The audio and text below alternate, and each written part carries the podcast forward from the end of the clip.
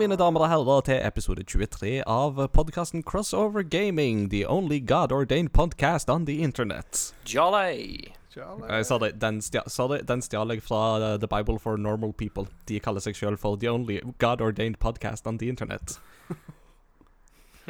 Så vi, vi går ikke for liksom, så høye skussmål, men uh, vi håper at folk setter pris på oss uansett. Hjertelig velkommen, enten det er første gang eller 23. gang du hører på oss. Vi setter veldig pris på at du tuner inn sammen med oss den neste halvannen til to timene. Mitt navn det er Ingar Takanobu Hauge. Uh, I sitt uh, studio i Oslo så sitter Ikke lenger eh, ved din side, men Kristian Christian Folland. Og veldig, veldig kult hvis du faktisk Hvis det er nummer 23 du hører på. Hvordan det? Nei, for da har du hørt alle episodene fram til nå. Ja, ikke sant. Ja, Ja. da skjønte jeg den. Og med oss i eh, Kristiansand, fra Le Garage, så sitter Mats Jakob Nesmann. Ja da, velkommen skal dere være, alle sammen.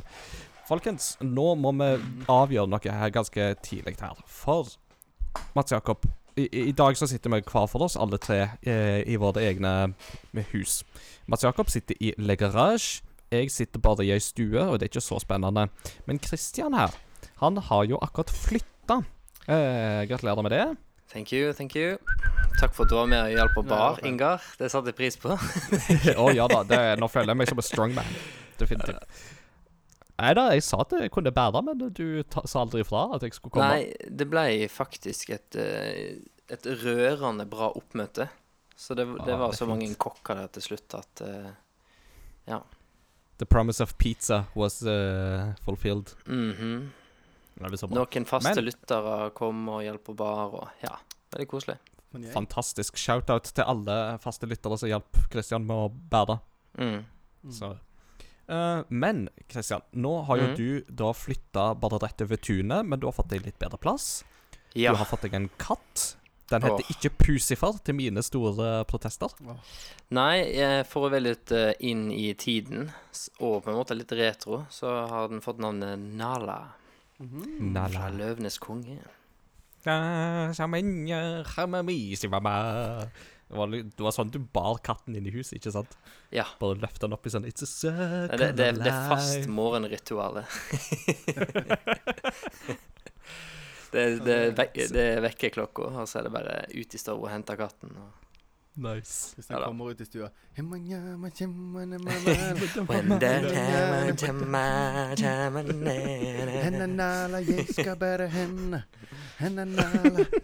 Jeg må pusse tennene.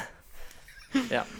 Skal på jobb, liksom. Ja, morgenritual. ritual. Gutter, eh, det jeg egentlig vil fram til her, det er at eh, vi må jo gi et navn til dette gamingrommet som du har fått deg. ja, for da, det sa vi jo ikke, men, eh, men det største ved å nå ha flytta, er ikke det, Altså, katt er jo kos.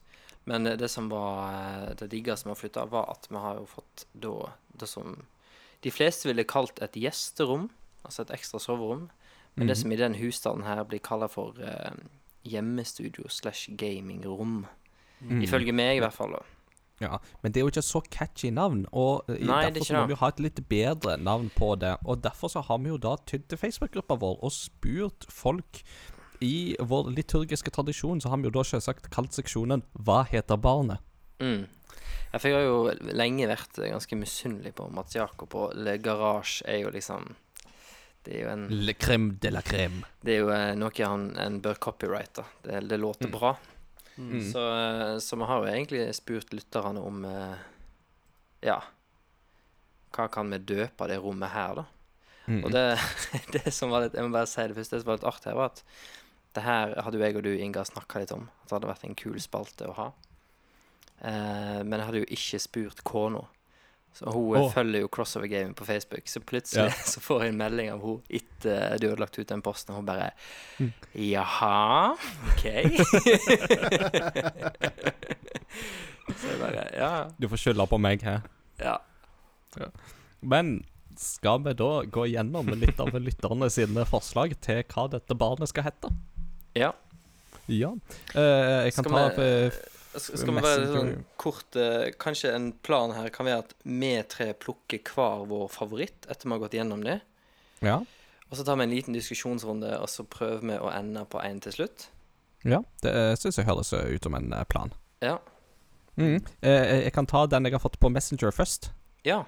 Eh, For um, Kjetil eh, Austad Endal foreslår at du må kalle den for Røverhulen. Det er både bibelsk, og det passer godt inn i flere spillunivers. Thief, Assassin's Creed, Uncharted osv. Jf. Markus 1117. Konge. Han har fått med seg at jeg liker Teologiske argumenter, det er bra, det. Ja. Han har sikkert fått med seg det- at jeg liker så godt Odyssey, vet du. Mm. Snakka altfor masse om det i fjor. I går. Da kan jeg lese Sigrun, Mm. som har Mhm. skrevet Hva med prikk, prikk, prikk Svettefabrikken? OK, kanskje litt mer Ja, nice. Kapellet. Konge. Uh, Martin, han har skrevet Han har på en måte tre poster her. Skal jeg bare ta alle tre? Ja, ta alle, du. Uh, Katrina, jeg foreslår Nalas Cave. uh, og så skriver han uh, Det aller helligste. mm. Og så er vel kanskje den jeg burde begynt med her, da. Grattis. Enten bare Krybben slash Mannekrybben, eventuelt Heavens Nest, Skapervyggen, The Lab eller The Christian Foundation.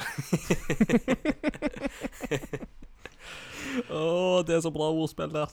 Å, det ja.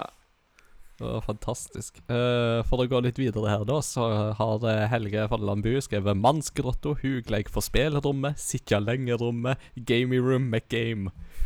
Hvilket minte meg på et fantastisk alternativt forslag. Kan man kalle det gamebox room?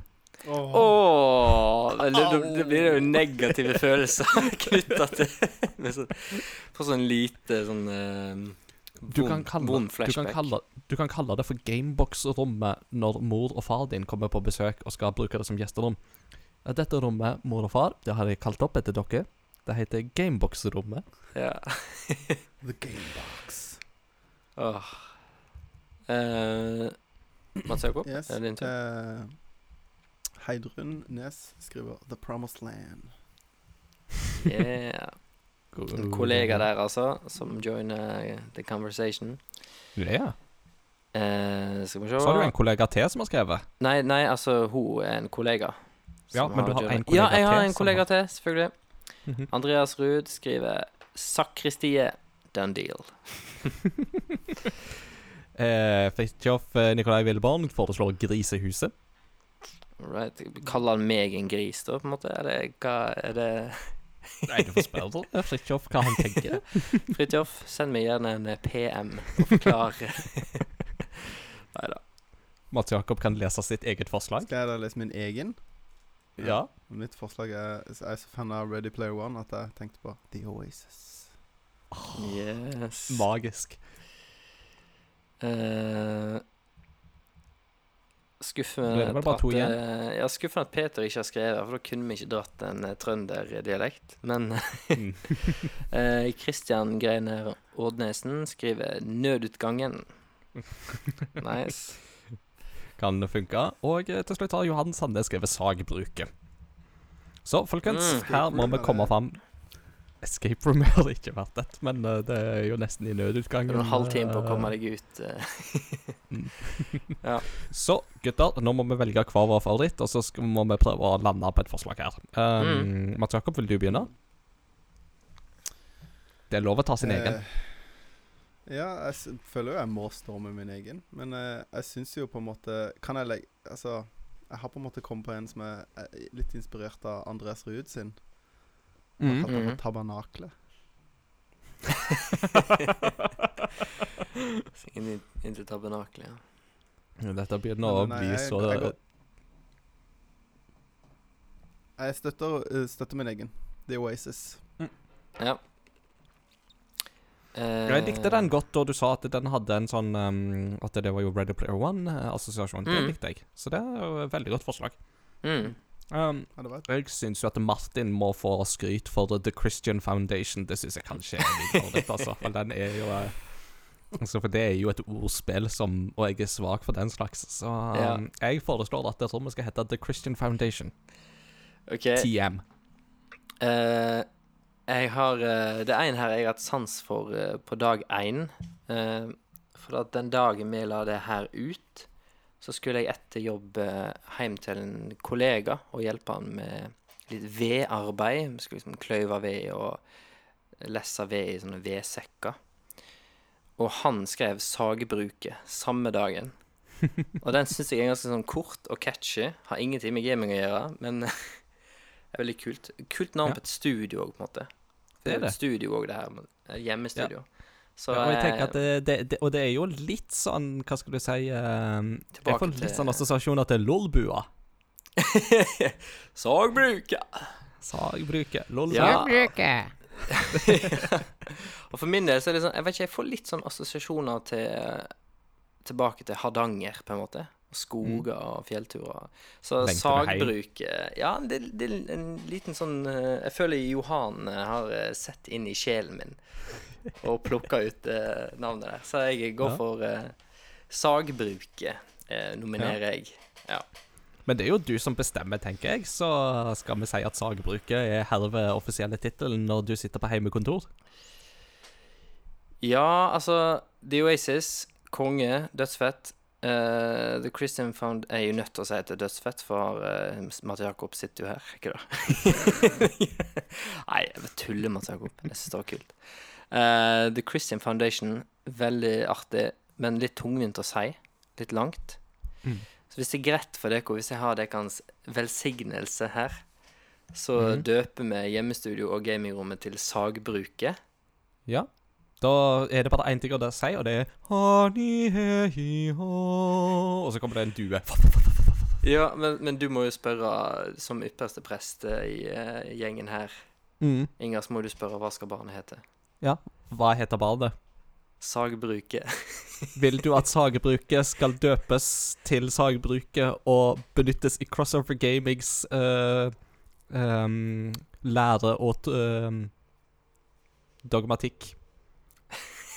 Det her er tørt. Ja. Dette er så tørt og fint. Yes. Det her er for de spesielt interesserte, altså. Men ja. Crossover Gaming, bevarer din utgang og din inngang. Jeg tegner deg med det hellige deep-headets tegn. Fadderne reiser seg. ja alle må reise. Alle må reise. OK, all rise. Ja, Sagbruket. fadderen reiser. det var det du sa ja. Applaus for sagbruket. Ja, så jeg er ypperste prest, han er far, og du er fadder. Da har vi etablert det. Veldig bra. Godt right. greier. Da var Sagbruket. etablert. Med det så håper jeg ikke at vi har skremt vekk noen av våre nye lyttere, eller av våre veteraner. er Men dette er This is how we roll, ladies and gentlemen. I det minste eh, så avslutter de med tanken Det her var en annerledes spillpodkast. De, de gjør det iallfall si greia, det skal de ha.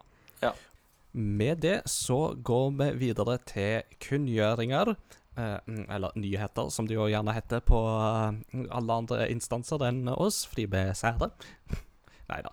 Eh, det har jo skjedd litt diverse i spillverden og verden de siste par ukene, og ikke alt er så veldig hyggelig, men jeg tror vi må ta noen diskusjoner likevel. Den første tar vi litt kort, tror jeg, selv om det er kanskje den mest omfattende. Men i USA de siste par ukene har det jo vært et par eh, ganske tragiske skytemassakrer i Texas og Ohio. Og nesten som, holdt på å si, et like clockwork, så er det noen republikanere som mener at dataspillene må selvsagt eh, ha skylda for dette.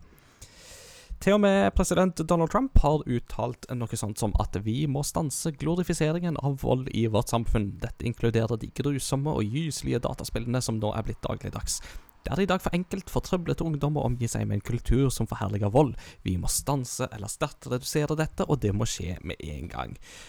Som en videre konsekvens av dette, så har jo da Walmart tatt affære. De har fjerna all reklame for eh, voldelige produkt, som da inkluderer reklame for voldelige spill. Noen Walmart-butikker har gått så langt som å faktisk fjerne alle spill som ikke er rata E for everybody, selv om Walmart på topp sier at det har ikke vi sagt at de må gjøre. Men Walmart selger fortsatt våpen over disk. Mm. Mm. Hva, hva skal vi tro om Ja. dette her, da?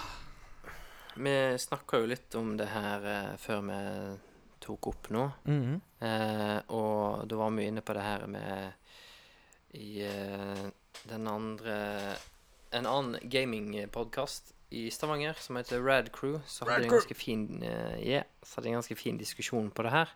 Mm. Hvor eh, de snakka om at de oppriktig talt tenker og tror at republikanere, politikere på den republikanske sida, og Donald Trump er, tror egentlig ikke på det her sjøl. Mm. Det er så mye lettere å skylde på spill enn å liksom eh, møte problemet head on, da, som eh, på mange måter kanskje er den våpenindustrien som, som er ja, NRA har, jo ganske, ja, NRA har jo ganske tunge fingre inn i det republikanske partiet. Og ikke minst også så er det jo en oppriktig mening i, på republikansk side for mange at våpen det er på en måte det viktigste rettigheten de har.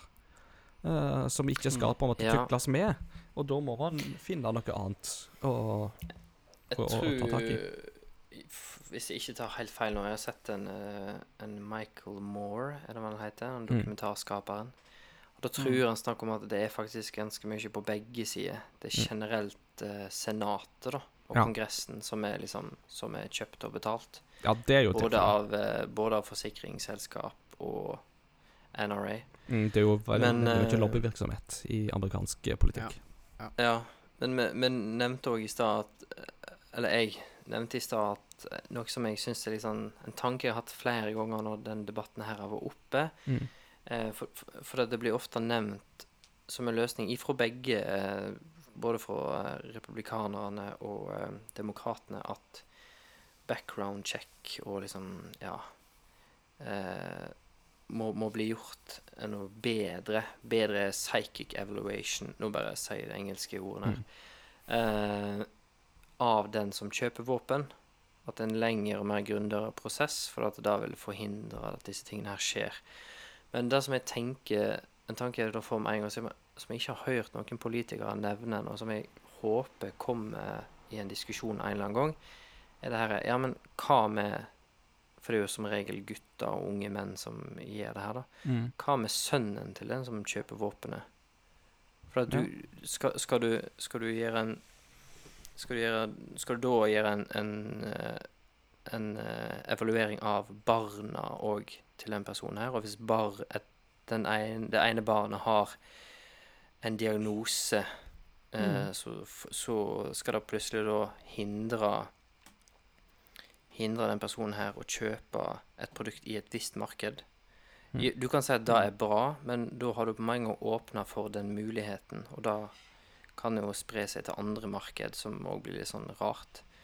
Eh, så er litt sånn Jeg, jeg, tror- jeg syns det er for lettvint å si at ja, men vi må bare være enda strengere med den som kjøper. Mm. Jo, men, men det er jo, det er jo altså Mange av disse massakrene som skjer, så har jo disse her unge hatt tilgang på våpen, men jeg tror ikke alltid det er våpen de har kjøpt sjøl, men det er våpen som har vært i heimen. Og Da er det tilsynelatende en frisk person som har kjøpt det våpenet. Og veldig mye av den uh, problemstillinga der kan jo faktisk løses hvis man utstyrer alle våpen med biometrisk lås, sånn at det låses til den personen som blir evaluert og faktisk kjøper våpenet. Mm. Sånn at uh, hvis far da kjøper våpen, så kan ikke sønnen bruke det fordi det er låst uh, ved hjelp av biometrisk Mm. lås, som da går på enten fingeravtrykk eller DNA. Men Mm. det er rett og slett ikke sterkt nok press på at det blir implementert. Så så det er jo klart at det er et problem. Og så tenker jeg generelt Ja. på det som et motargument da, mot det her. Ja, men vi må bare være strengere i evaluering av den som kjøper. Så er det sånn, ja, men skal du bedømme hele familien, da? Eller Mm. hva, hva For det er jo da du må hvis Mm. du skal gjøre det, hvis du skal selge det trygt inn i en heim. Mm. Og kanskje det er sånn, kanskje det er snakk om at du fikk eh, tak i våpen til onkelen din. sant? Skal du da gå så langt i evalueringen, eller ja. Went to his grandfather's arsenal. Ja, ikke sant. Loftet til bestefar. Sant. Ja. Mm. Mm. Ja. Nei, det er jo um, um, Altså, det er så mange andre historier som illustrerer på en måte det hvor sterkt eh, NR, NRA står, da, eller National Rifle Association, hvor Mm. mye på en måte makt de har, reell makt Mm. de har. For i, i Australia så hadde de en skolemassakre, og så på en måte bare Etter det så ble de, hadde de en folkeavstemning og ble enige om at nei, vi skal ikke, folk skal ikke kunne ha våpen. Mm. Det er kun spesiell bæretillatelse. Så måtte folk levere tilbake våpnene sine. Ja. Uh, og eh, eh, det er en komiker som heter Jim Jeffries, som er australsk, som, uh, Ja, han som er fin. snakker om eh, Mm. Som snakker om det, som sier at Det er en grunn til at det heter assault rifle, og ikke liksom home protection rifle. Ikke sant? Altså, det, det er ikke lagd for å Det er ikke lagd for jakt. Det er ikke lagd for eh, å være for, til selvforsvar. Det er lagd til krig. Ja. Og så blir det jo på en måte Ja, det, Mm. det, blir, det, det hører ikke hjem, til hjemme, da. Nei. Syns iallfall jeg. Og Nei, ikke sant. det er mange som er enig i det. Ja, og det samme så vi jo i New Zealand tidligere i år, etter Christchurch-moskéskytingene og den massakren der, Mm. som jo var med på å inspirere Bærum-attentatet, nå eh, bare her i Mm. Norge òg. og det var jo etter det så bare ble de enige i New Zealand om at OK, det ble brukt hva skal jeg si, hele automatiske våpen. Altså, det ble brukt våpen som er kun ment for én ting. Eh, da forbyr vi dette, rett og slett. Så enkelt Mm. er det. Og så ble de Mm. enige om det, og så gjorde de det. Og det er sånn Ja. Så enkelt kan det gjøres, ikke sant? Men det har noe med på en måte folkementalitet og sånt å gjøre her. Um, jeg presenterte jo litt statistikk for dere i stad, men det er jo sånn Mm. USA er jo ikke det eneste landet der sånne ting som dette skjer. Eh, Norge har jo opplevd et tilsvarende forsøk nå bare forrige uke. Men den store forskjellen er jo den hyppige tilgangen på våpen i USA. USA har 4,3% av verdens befolkning, men 60% av alle personeide håndvåpen og skytevåpen. Og det er jo et vanvittig tall. Um, og Mm. raten er jo da 125 våpen per 100 innbyggere i USA. I Norge så er den raten på 25 våpen, og de fleste av de våpnene det er jaktrifler og sånne ting som kan skyte ett og ett skudd om gangen. Så Mm. det er jo helt vanvittig. Og hvis vi skal på en måte ta dataspillargumentet inn i det, det liksom at det er dataspillene sin feil, så er det jo heller ikke på en måte match her. For at sånn som Japan, for eksempel, har jo en befolkning som spiller minst like mye dataspill som den amerikanske befolkningen. Men i Japan så er jo antall mord begått per år med skytevåpen er jo et ensifra. Det er faktisk ensifra i et land på 126 millioner innbyggere. Mm. Og det er jo klart, da er det jo noen våpenlover inne i bildet som eh, regulerer ting som definitivt er med på, på å spille inn her, da. Og det er jo faktisk sånn i Japan Mm. at hvis et Yakuza-medlem, altså et medlem av mafiaen, begår et mord med skytevåpen, så blir han nærmest utlevert av sine egne. fordi at da er det sånn OK, da er du kjempelett å ident- identifisere at det var du som gjorde det. Så nå skal ikke du bringe skam over klanen vår. Mm. Vi gir deg til politiet. Du har skutt din egen grav, liksom. Mm. Jeg tror ikke vi kommer så mye lenger i den uh, debatten nå, men jeg tenker at uh, det er iallfall en em, Det er nok ikke siste gang vi får høre dette her, dessverre. Og vi får uh, ta den tråden igjen eh, neste gang det eventuelt blir aktuelt. Hvis ikke noen av dere hadde Mm. eventuelle siste kommentarer. Nei, da Ja, Kristian? Nei, jeg skulle si nei. Du skulle si nei, OK. um, det fortsetter litt i det litt sånn triste hjørnet, dessverre. Det så Det har vært litt uh, mørke uker for uh, spillbransjen. Ehm, Square Enix i Japan ble um, trua med um, drapsforsøk av en 40-åring som var sterkt misfornøyd med et av spillene deres. Uh, vi vet ikke hva spill det var han var misfornøyd med, men han uh, trua i alle fall med å få dritt, pengene tilbake for drittspillet. Og hvis ikke, så skulle han um, gjenta Kyoto Animation-mordbrannen. Hmm. Eh, for de som av våre lyttere som ikke kjenner til det, så var det jo en mordbrann i Japan i juli der animasjonsstudioet Kyoto Animation ble satt fyr på av en gal mann som drepte 35 ansatte i studioet. Og Kyoto Animation er jo et stort, velkjent, eh, renommert eh, animasjonsstudio i Japan som står bak serier som Lucky Star og Full Metal Panic, eh, eh, The Melancholy of Haruhi Suzumiya osv. Så, videre. så de har på en måte et Mm. veldig stort, anerkjent ry i anime-verdenen. Så det ble tatt veldig på alvor da han ble arrestert.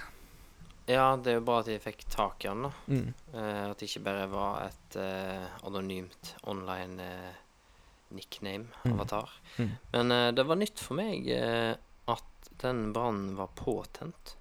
Jo, den var påtent. Han var spredte ut med, eh, med bensin og satte fyr, og okay. begynte òg å hakke løs på folk som klarte å komme seg ut.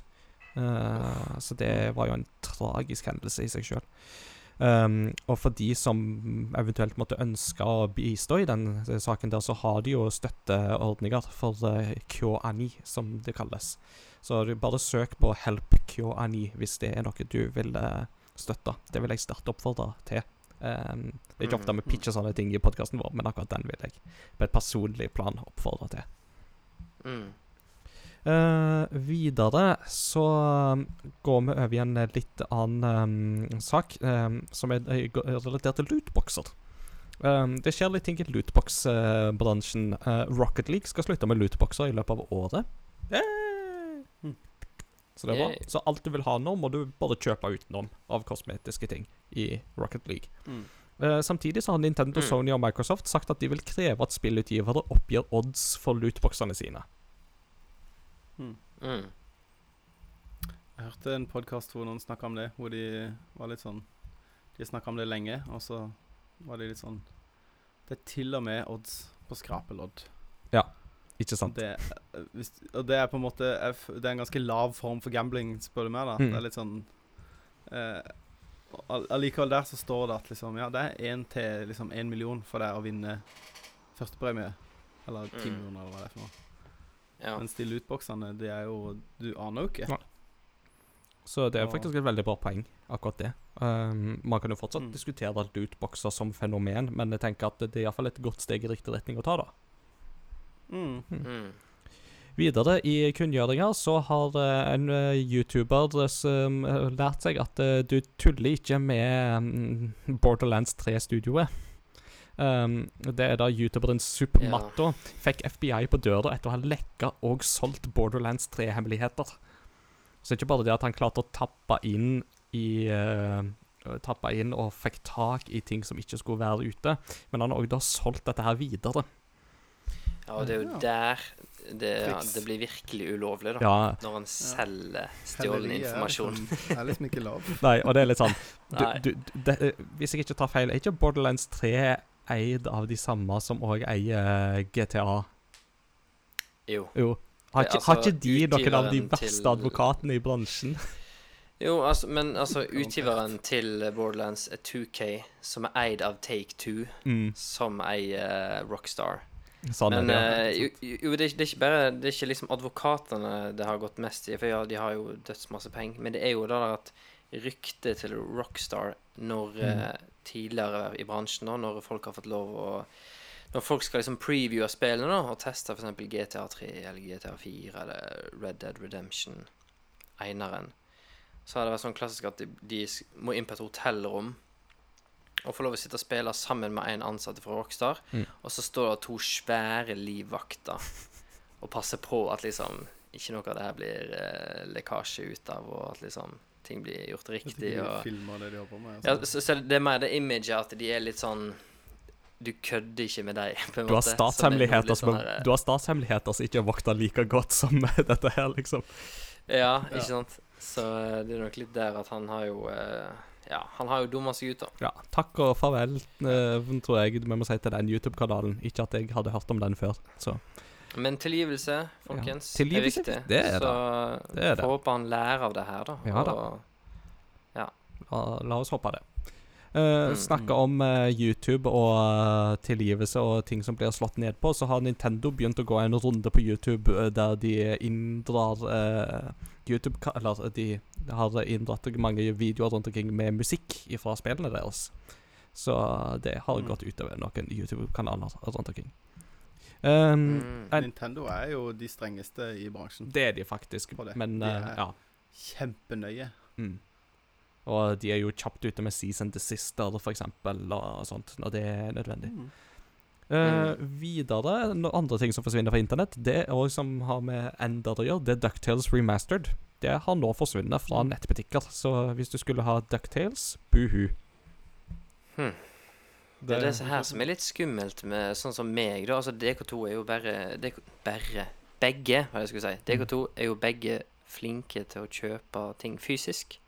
Mens Mm. jeg er jo en sånn klassisk eksempel på å kjøpe nesten alt bare digitalt. Ja. Og det er jo det her som er skummelt med å kjøpe digitalt. Det er det. Og nå er det jo flere ting Mm. som etter hvert det siste året bare har forsvunnet av, eh, fra digitale Le- nettbutikker. Ja, Lego-spill. Ja, ja, ja. Og én ting Altså. er som regel så er det jo sånn at har du kjøpt det, har du kjøpt DuckTales nå, eh, før det forsvant, Mm. så vil du fortsatt kunne laste det ned. Du vil bare ikke kunne finne det i butikken og sånt lenger.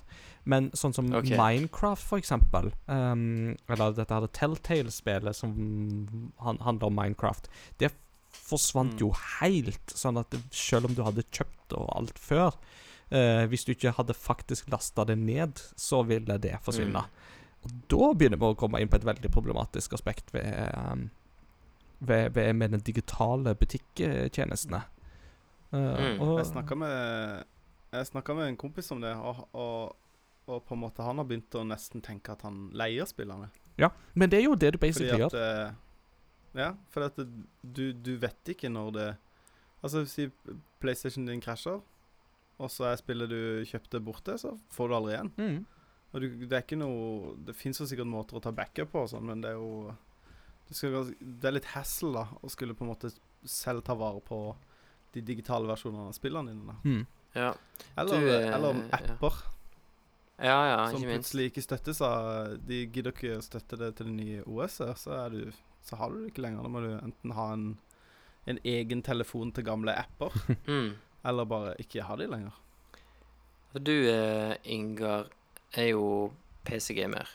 Ja, eh, blant blant, annet. annet. Eh, handler du eh, fysisk der? På PC har jeg ikke handla fysisk på mange år, nei, så PC er jo en av de frontene der det er all digital, og det kan jo fort være problematisk. Men eh, på en del av Mm. disse andre enhetene så kjører jeg jo fortsatt fysisk på en del ting, og det kjenner jeg at jeg kommer ikke til å gi helt slipp på det ennå, nei. Det merker jeg jo Nei. absolutt. Eh, hvilket jo minner meg på eh, en annen kunngjøring, som jo viser at det å kjøpe fysiske ting, det kan faktisk lønne seg. For en kar i USA rydda litt på loftet, fant et forsegla eksemplar av Kid Icarus fra 1988. eh, med kvittering og alt, som tydeligvis var ment som en julegave på et tidspunkt, og så ble det ikke gitt, og så ble det bare glemt, og så fant han det igjen da, sånn 30 år senere. Solgte det for 9000 dollar, og for de pengene så skal han ta med seg søstera si til Disney World. Det er jo koselig, da. 9000 dollar. Mor, de hadde, de hadde snakka med mora, og mora hadde bare blitt sur og sagt jeg kan ikke huske at jeg kjøpte spillet. det var det en sto her å si. Ja, Da fikk ikke hun Tror de bare var litt irritert. Nei, det Men eh, akkurat rundt det der så er jeg jo ganske opptatt av retroverden, da. Men eh, i, Fordi i, i retroverdenen, spesielt i liksom forsegla spill og kjempesjeldne spillverden, så er det nå et eh, firma som Veldig flere firmaer som primært har drevet med tegneserier og kort, samlekort, har nå begynt å liksom spekulere i spill, da. Og spesielt da eh, okay. forsegla spill. Hm. Um, Husker du navnet på selskapet? det er et selskap som heter Wata Games, har de kalt seg for. Men det er egentlig ehm, masse folk eh, som har drevet med tegneserier og samlekort. Altså Mhm. alt fra baseballkort og alt mulig. Eh, og de markedene begynner jo å bli litt tomme. Altså de, de fleste 80 år gamle tegneserier er funnet, og, og på en måte de har en god kontroll over markedet har Mm, begynt å spekulere i TV-spill, da. Mm. Som eh, Og da med gradering, altså verdi Sånn grading av de spillene, sånn som man gjør med kort og tegneserier. Ja. Eh, og det som er skummelt i forhold til det, er de hadde jo, det var jo de som solgte og graderte den Kid Icarusen som ble funnet. Eh, og de går da ut og sier at ja, det fins bare ni kjente Kid Icarus forsegla. Mm. Og så eh, snakker de overbevisende. Altså de snakker som om at de har peiling, og det er et kjent firma, men, men de har jo så vidt begynt med, eh, med, med den spekulasjonen, på en måte. Mm. Um, og de vet ikke hvor mange forsegla Kid Icarus som fins. Alle er ikke funnet. Det er ikke sånn at det fins bare ni. De kan Eh, spekulere, samme- men de vet ikke. Ja, men de uttaler seg som om de vet, da. Mm. Eh, og i samme sammenheng vi snakker om Det var det også snakk om at det ble solgt en funnet og solgt en ny eh, Nintendo World Championships-kart. Mm. Eh, som da eh, Man vet at det, det fins Det høyeste nummeret som er funnet, er 348. Og så igjen og igjen så sier nettsider og da også disse her at ja, det fins 90. Og så vet man at det fins mer enn 90. Mm. og det ble lagd mer enn 90. Eh, sånn at Ja, det, eh, de, det kommer folk hva skal jeg si, utenifra da, i gåseøyne. Uh, uten å høres Nå høres jeg sykt uh, ga- Det veldig, høres ut som veldig gatekeeping, men, eh, men, uh, men det er på en måte eh, Det er på en måte dumt for miljøet, da, når noen som på en måte kommer utenifra og har en høy røst, og kommer med feilinformasjon. da. Mm. Eh, absolutt. Sånn at eh, man må være litt sånn obs på Obs på Mm. de tingene i forhold til eh, hva som Hva, hva Han har stått jeg veldig ja. Hva som på en måte For det er snakk om ganske mye penger. Og Ja, det er jo det. samme, det er jo det samme firmaet som solgte en forsegla eh, original Super Mario Bros. for eh, nesten 100 000 dollar. Mm. Eh, altså ikke en helt vanlig Super Mario, men en forsegla versjon av den aller første som, eh, amerikanske som ble gitt ut før Mm. på en måte Nintendo ble offisielt, offisielt solgt. Men allikevel, de, de på en måte satte en pris. Mm. Eh, og vi mener at dette er verdt dette, og så er det jo ikke noen TV-spill som har solgt inn eh, halvparten engang før. Ikke sant? Eh, så Nei, det er skummelt med sånn spekulasjon. Mm, det er det. Men får ta det, ta det med en klype salt, eh, rett og slett. Um, Mm. Vi går det litt videre. Um, um, det har jo òg, siden sist, så har det jo vært såkalte EVO Championship 2019, Mm. som jo er den store slåssespillturneringa. Under denne turneringa så ble det vist fram to nye rollefigurer til Tekken 7. Den ene er tilbakevendende. Det er Zafina fra Tekken 6, og så er det en nykommer som heter Leroy Smith. Men midt oppi dette her så tok da EVO og la inn en Codex-video med Solid Snake fra Metal Gear Solid. Og dette fikk jo fans til å tro Hæ, skal Snake bli spillbar i uh, Tekken 7? Uh, dette hadde ikke EVO fått sanksjonert verken fra Konami eller fra Bandai Namco. Uh, og David Hater, som er stemmeskuespilleren til Snake, han er ganske pissed på at dette her ble ikke gjort. Og bare sånn Aldri bruk min stemme igjen til noe som helst. Det, det får dere ikke lov til. Det Eh, var ballsy gjort. det var veldig ballsy. Det var meint som en spøk fra Ivers side. Det var ikke meningen at den spøken skulle mm, fyres opp på skjermene og sånt, men det, det skjedde da, dessverre. Mm. Så Ja. mm. neste Har dere sett noe på Ivo? Nei. Det rakk jeg dessverre ikke å gjøre. Jeg har vært litt for opptatt med semesterstart, så Mm. ja. Jeg har sett veldig eh, mange ganger Ivo Caprino sin eh, flårklyper. Nei, sorry. Du er, du Så er ute. å liv, Du er. Ja. Neste sak kommer litt inn på det vi skal innom eh, på dagens tema etter pausen. Men ehm, kjenner dere til indiespillet Ooblets? Nei. Nei. Det er ikke så veldig kjent, men dette er da et indiespill som har blitt kickstarta av et jødisk ektepar som uh, har laga det. Um, og som uh, ganske Ja, nylig gikk ut med nyheten på sin egen kickstarter om at uh, Epic eh, Games Store ville ha de eksklusivt på sin butikk på PC, og hadde da lova de at um, de, uansett så skulle de break even, altså det vil si at uh, spillet skulle ikke gå med tap. Som jo Mm. er et fantastisk tilbud for et lite indie-studio å få. Eh, så de hadde jo takka Mm. ja til dette, og Kickstarter informer, informert backerne om dette. Og backerne hadde i utgangspunktet gitt tommel opp. Noen hadde kanskje tatt pengene og gått, men de fleste hadde liksom gitt klarsignal for dette. Dette har jo i ettertid eskalert noe hinsides, fordi er det jo én ting folk liker veldig i disse dager, så er det jo å tenke Kritisere Epic for alt de kan. Og Mm. Det triste her er jo det at de har jo fått tusenvis av hatmeldinger som da ikke bare går på at 'Å, dere er teite som gjør dette', men som òg da rett og slett begynner å gå inn i det antisemittiske hjørnet. Mm. Og det er rett og slett bare trist. Det er, har ingenting i en god spillkultur å gjøre. Uh, og jeg, jeg tror ikke jeg kan si dette på en annen måte enn at folk som gjør dette her, de burde rett og slett skamme seg. Enkelt og greit. For det er det, det, det, det er sånn irrasjonelt hat mot Epic. Altså, jeg forstår at Epic har mange mangler i sin klient. Jeg vet det, og jeg forstår det, men det må du ta med Epic og be dem om å fikse det. Ikke begynn å spre hat mot et stakkars lite ektepar som gjør det de kan for å få drømmen sin til å gå i oppfyllelse.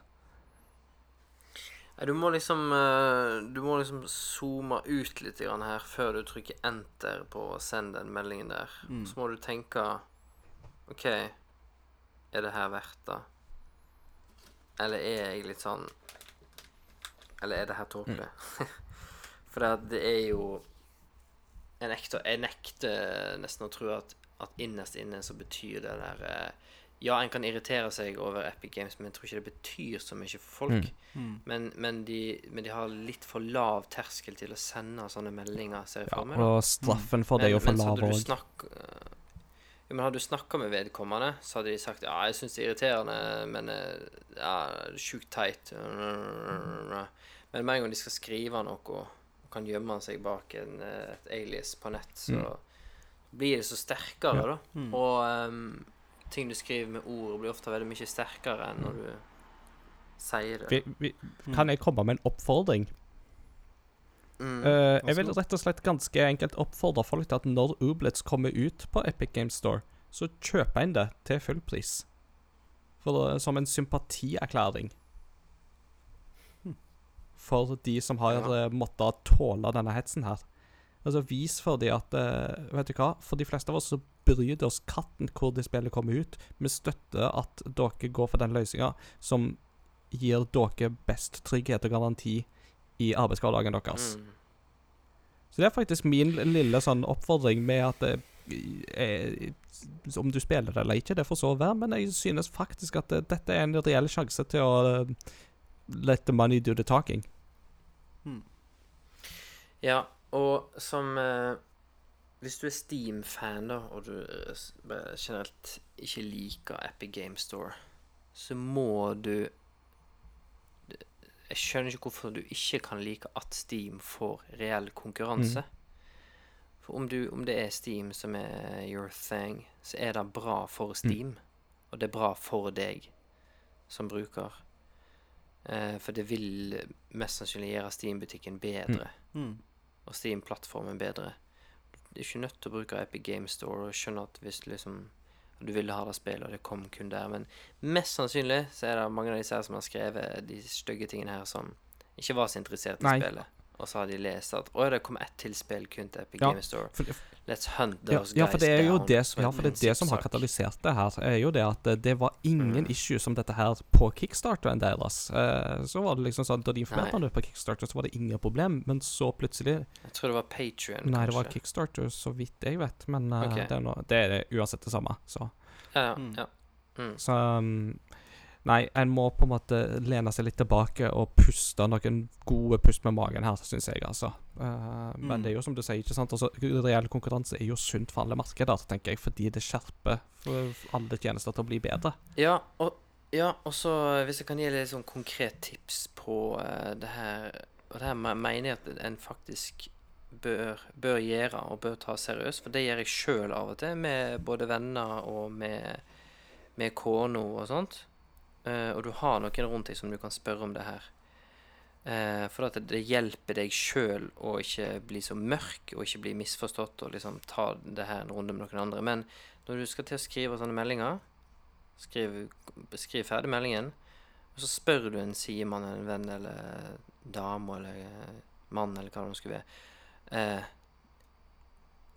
Er det her greit? Eller hva tenker du om det Mm. her? Det jeg prøver å si, er det her.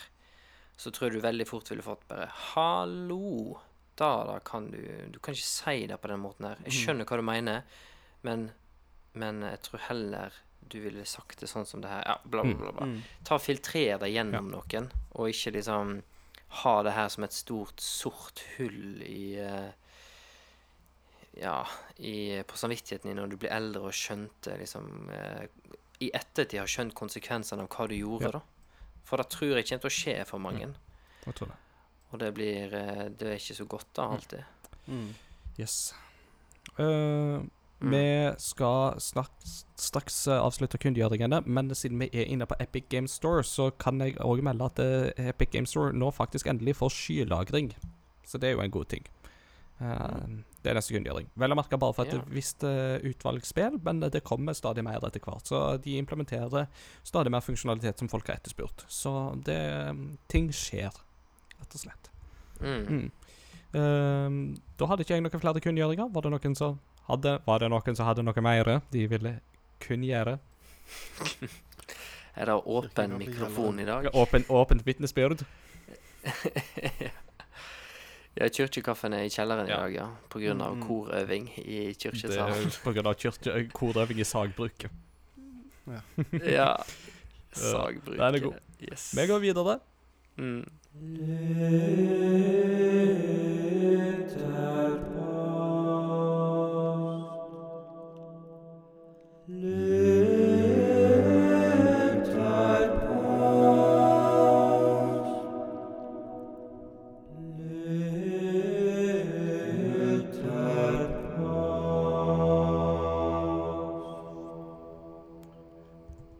Folkens, det er da tid for lytterpost, som uh, jinglen eh, sier. Og dette er faktisk en lytterpost som har generert ganske mange kommentarer, så det er jo kjempeartig. Uh, denne gangen har vi rett og slett spurt lytterne om hvilket spill har dere lagt ned flest timer i totalt gjennom livet. Konkret statistikk og timetall er fint, men det er lov å gi et anslag òg. Så kanskje vi skal begynne, da. Uh, Mats Jakob, hvis du skulle tippe, hva spill er det du har brukt flest timer på i løpet av livet? Hei, det er vanskelig å si. Um, jeg tipper For å være helt ærlig, så tipper jeg det er Ocarina of Time. For det som jeg har fortalt om før. Jeg spilte det Jeg kunne ikke engelsk da jeg spilte det. Så jeg, det var Det var gjetting i ett og et halvt år. Og det var så å si hver dag etter skolen. Så det tipper jeg la ned ganske mange hundre timer i det spillet, ja. Mm. Mm. Så det er jo litt sånn annerledes. Jeg har aldri vært avhengig av et uh, online rollespill eller uh, et uh, open world-spill som man kan bruke mange, mange, mange, mange hundre tusen timer i. Skyrim. Um, ja, jo, ja, det er, det klokka noen ganske mange timer der òg, men jeg tror ikke liksom Jeg tror ikke jeg bikka Jeg vet ikke om jeg bikka 150, jeg bikka kanskje 100. Mm. Men eh, Så Ocarina of Time for deg, altså. Eller Pokémon Blå. Ja, Pokémon, ja. Det er jo faktisk uh, reelt. Ja. Jeg kjøpte et brukt Pokémon Sapphire på Game of Advance. Og Mm. når jeg da boota det opp, så så jeg at save-fila hadde 524 timer på seg.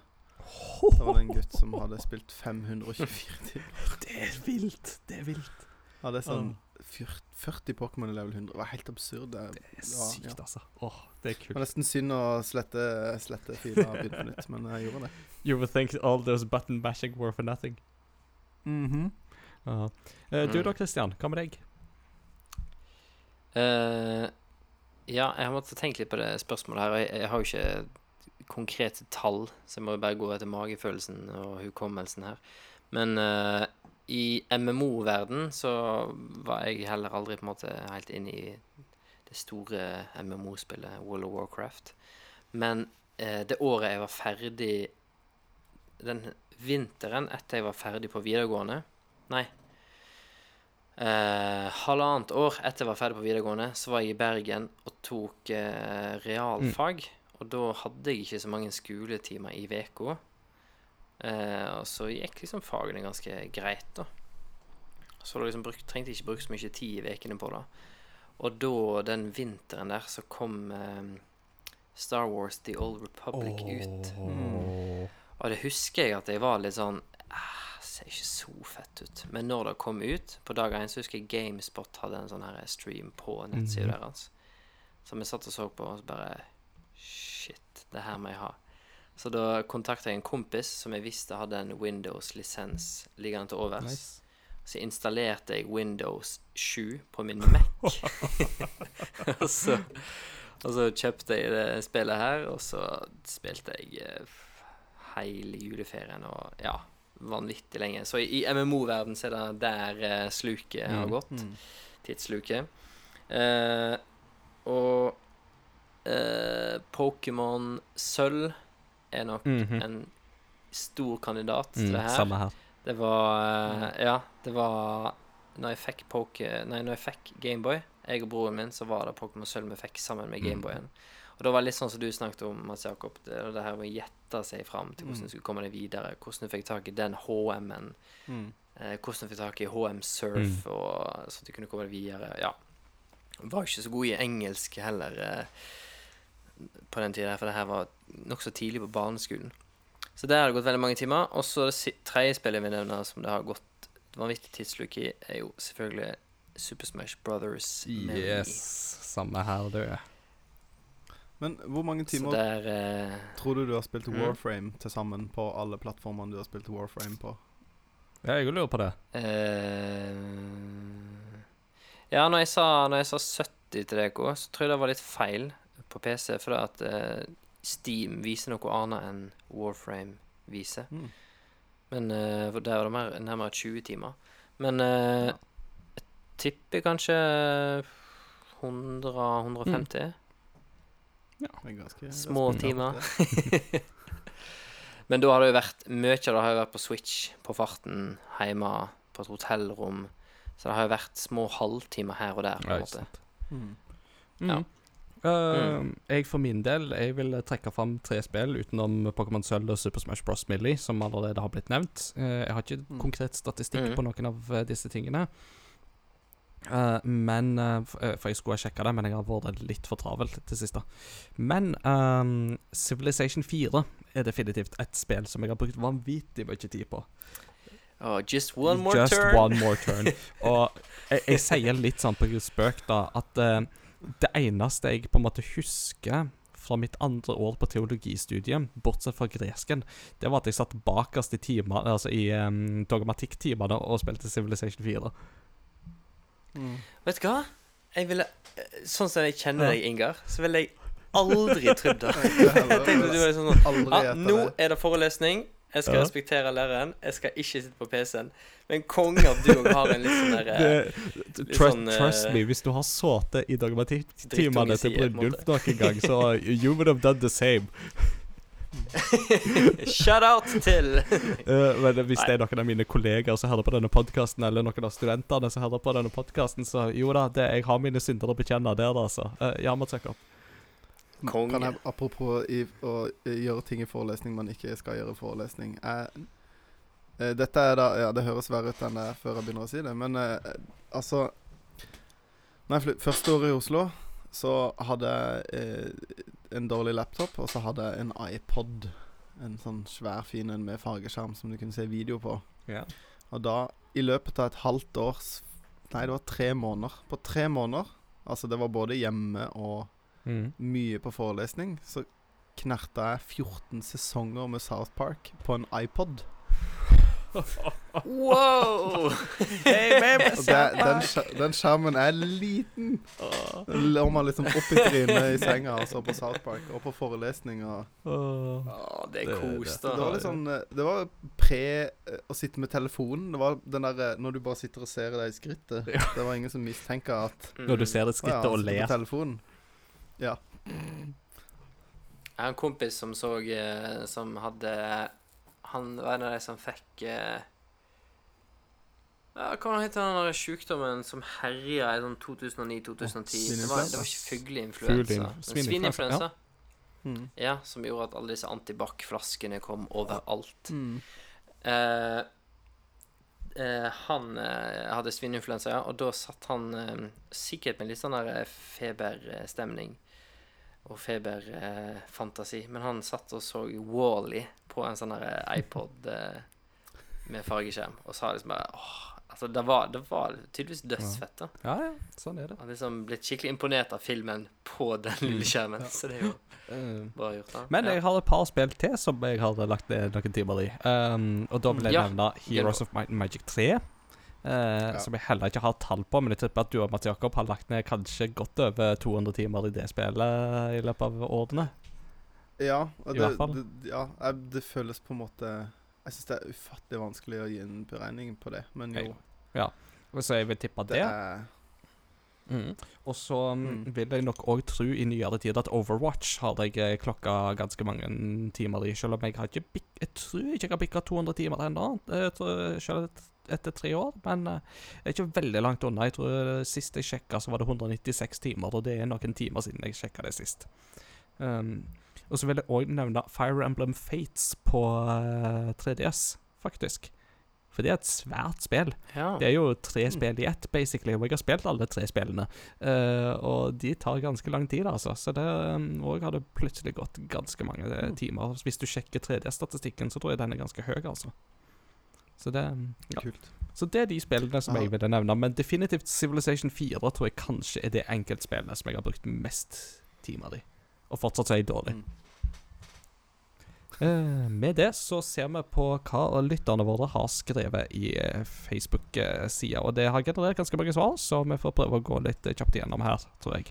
Eh, Eh, jeg, bare slenger inn en sånn privat Mm. eh, kommentar her som dere DK vet om, men som er spennende Ja. for lytter òg. Om ti Mm. minutter så kommer den vaskemaskinen jeg må bære opp to Mm. etasjer.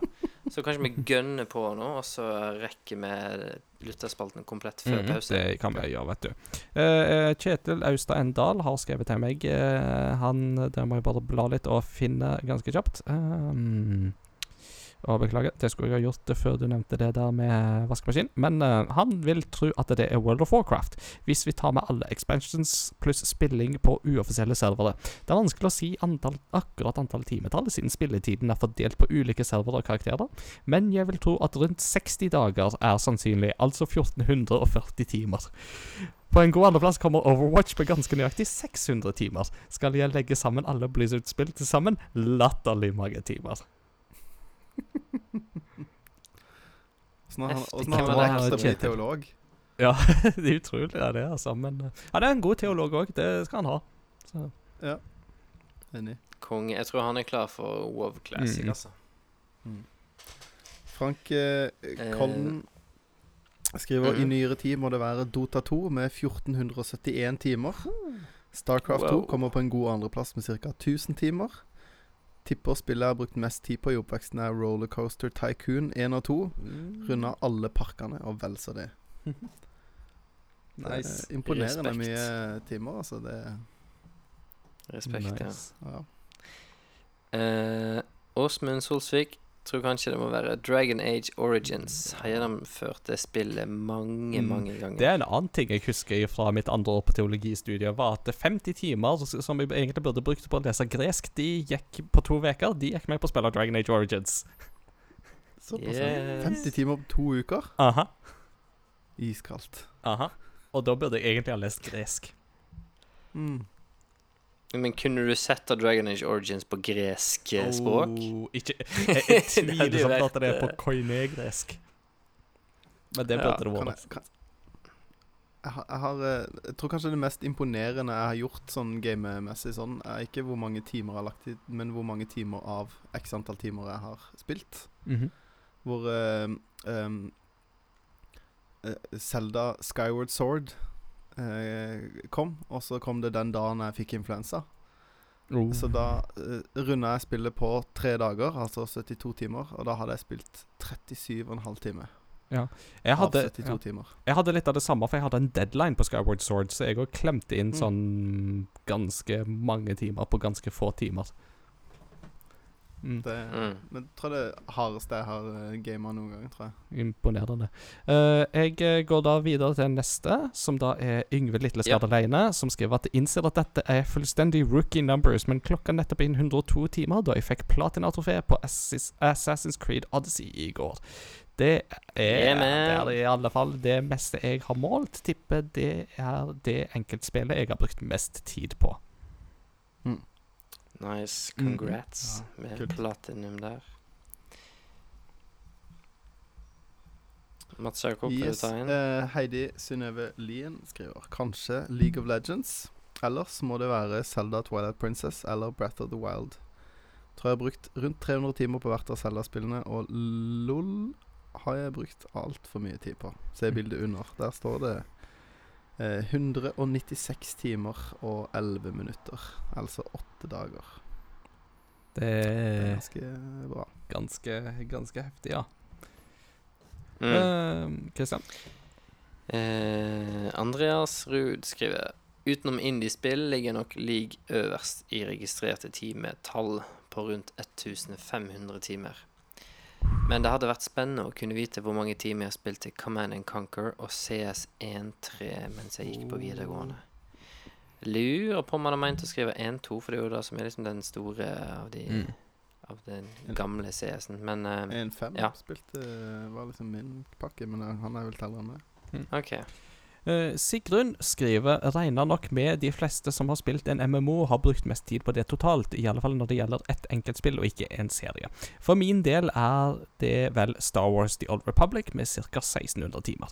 Ellers har jeg, som, eh, slik som andre har nevnt, brukt veldig mange timer på Super Smash Bros. Melee, uten at jeg har noe tall på hvor mange timer. På Steam har jeg nok brukt mest tid på Crusader Kings 2 med 419 timer. Er tilfeldigvis oppfølgeren til det første spillet fra Paradox Interactive som jeg noen gang spilte, så kanskje det har noe å gjøre med det. Hmm. Star Wars The Old Republic, yeah! Eh, André Fonland skriver 'Football Manager'. Dog lyg nok Steam-tallet her. Uh, da er typisk at jeg glemmer å lukke spillet innimellom. Jeg kan ikke din dialekt, Kristian. Jeg regner med dette er en Det er broren min der som skriver. It's my brother. Yeah. Mackelbury tar gull med gullet hjem i år òg, står det. Yes, Mackleberry er et eh, jeg tror det er sånn tredje andredivisjonslag Smooth. som broderen alltid tok og sendte til topps. Mackleberry. Fantastisk. ja da. Jeg, jeg, husker bare kjapt uh, spillminne eh, med broderen som var Det var et Football Manager-spill, men ikke serien Football Manager, men det var en, en eh, konkurrent som eh, Ja, eller Ubisoft hadde en konkurrent en periode. Mm. Som var veldig kul, for det var mye mer visuelt. Og Vi hadde jo null peiling på det her, så liksom vi overtok et lag, og så startet vi med et lån. Så brukte vi alle pengene på, å- på å oppgradere antall sitteplasser på tribunen. For da kunne vi jo få mer penger inn. Og så gikk det liksom Gikk jo alltid i til hver eneste gang, vet du. Hjelper ikke å ha mange sitteplasser hvis dere er dårlige. Nei. Nei. Uh, skal vi se Torstein Røsok har skrevet at på Steam er det overlegen Path of Exile, hvor jeg ligger på over 3500 timer. Hvor på andreplass er Dota 2 med over 600 timer. Men jeg vil nok tro at Super Smash Bros. Melee ligger oppi der, selv om jeg ikke kan telle det, da jeg har spilt utrolig mye både casual i barndommen og competitive som voksen. Utenom det har jeg brukt utallige timer på MMO som RuneScape og World of Warcraft i mine tidlige år. Jeg vet at min gamle main character fra Wrath of the Lich King hadde over 1000 timer på seg. På spill som POE eller WoW så blir jo time played ofte overblåst av å være AFK eller chilling i en hideout eller en storby. Så hvem kan vel egentlig vite hva du har spilt mest? Mm. Herren vet. Jeg møtte, jeg møtte Torstein i et bryllup i Ja. sommerferien. Veldig, veldig Ja. hyggelig fyr. Eh, og jeg husker at han nevnte i en tidligere episode Når jeg hadde nevnt at jeg prøvde Path of Exile, men det var ikke helt min greie. Så husker jeg han nevnte at liksom Jo, jo, jo, kom igjen. Du må komme deg gjennom starten. Så uh, tydeligvis har han kommet seg gjennom Det starten. må jo kunne i si. Det, ja. Path of Exile. Ja. Er det- er det min tur? Mats Hauge sier på toppen med suveren ledelse ligger Rocket League. Her er det røke slash investert sikkert 1500 timer i løpet av årene. Oi, det er mye. Imponerende. Jeg liker at han kaller det investering. Ja, det er, det er en fin måte å formulere det på, Mats. Jeg liker den. Kanskje jeg stjeler den. Ja, enig. Positiv Mm. vinkling der. Uh, uh, Mikael Fabrias Breien. Mhm. Eh, jeg har lyst til å si League of Legends har nok mange tusen timer der. Pokémon Emerald er ikke langt bak, med mange omstarter på flere hundre Mhm. timer hver. Mm. Ja.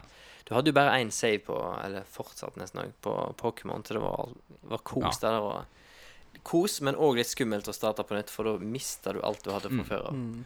Jeg kan ta de to siste, uh, som er veldig korte. Uh, Espen Fretheim Johannessen skriver Tipper Heroes 3, sikkert over 1000 timer på forskjellige plattformer. Det kan jeg se. Og uh, Jens Daniel Vindvall skriver Vindvann, unnskyld. Skriver Fifa tett etterfulgt av Pokémon Gold på Gameboy Color. Mm. Yeah. Ser den.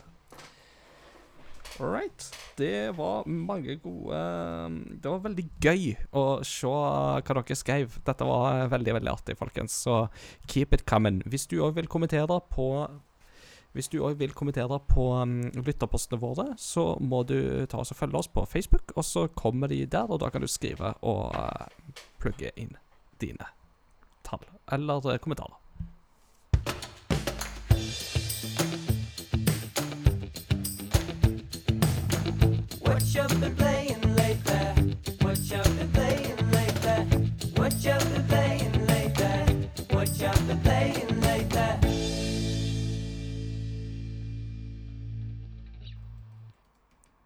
Med det så er vi klare for å høre hva vi har spilt i det siste.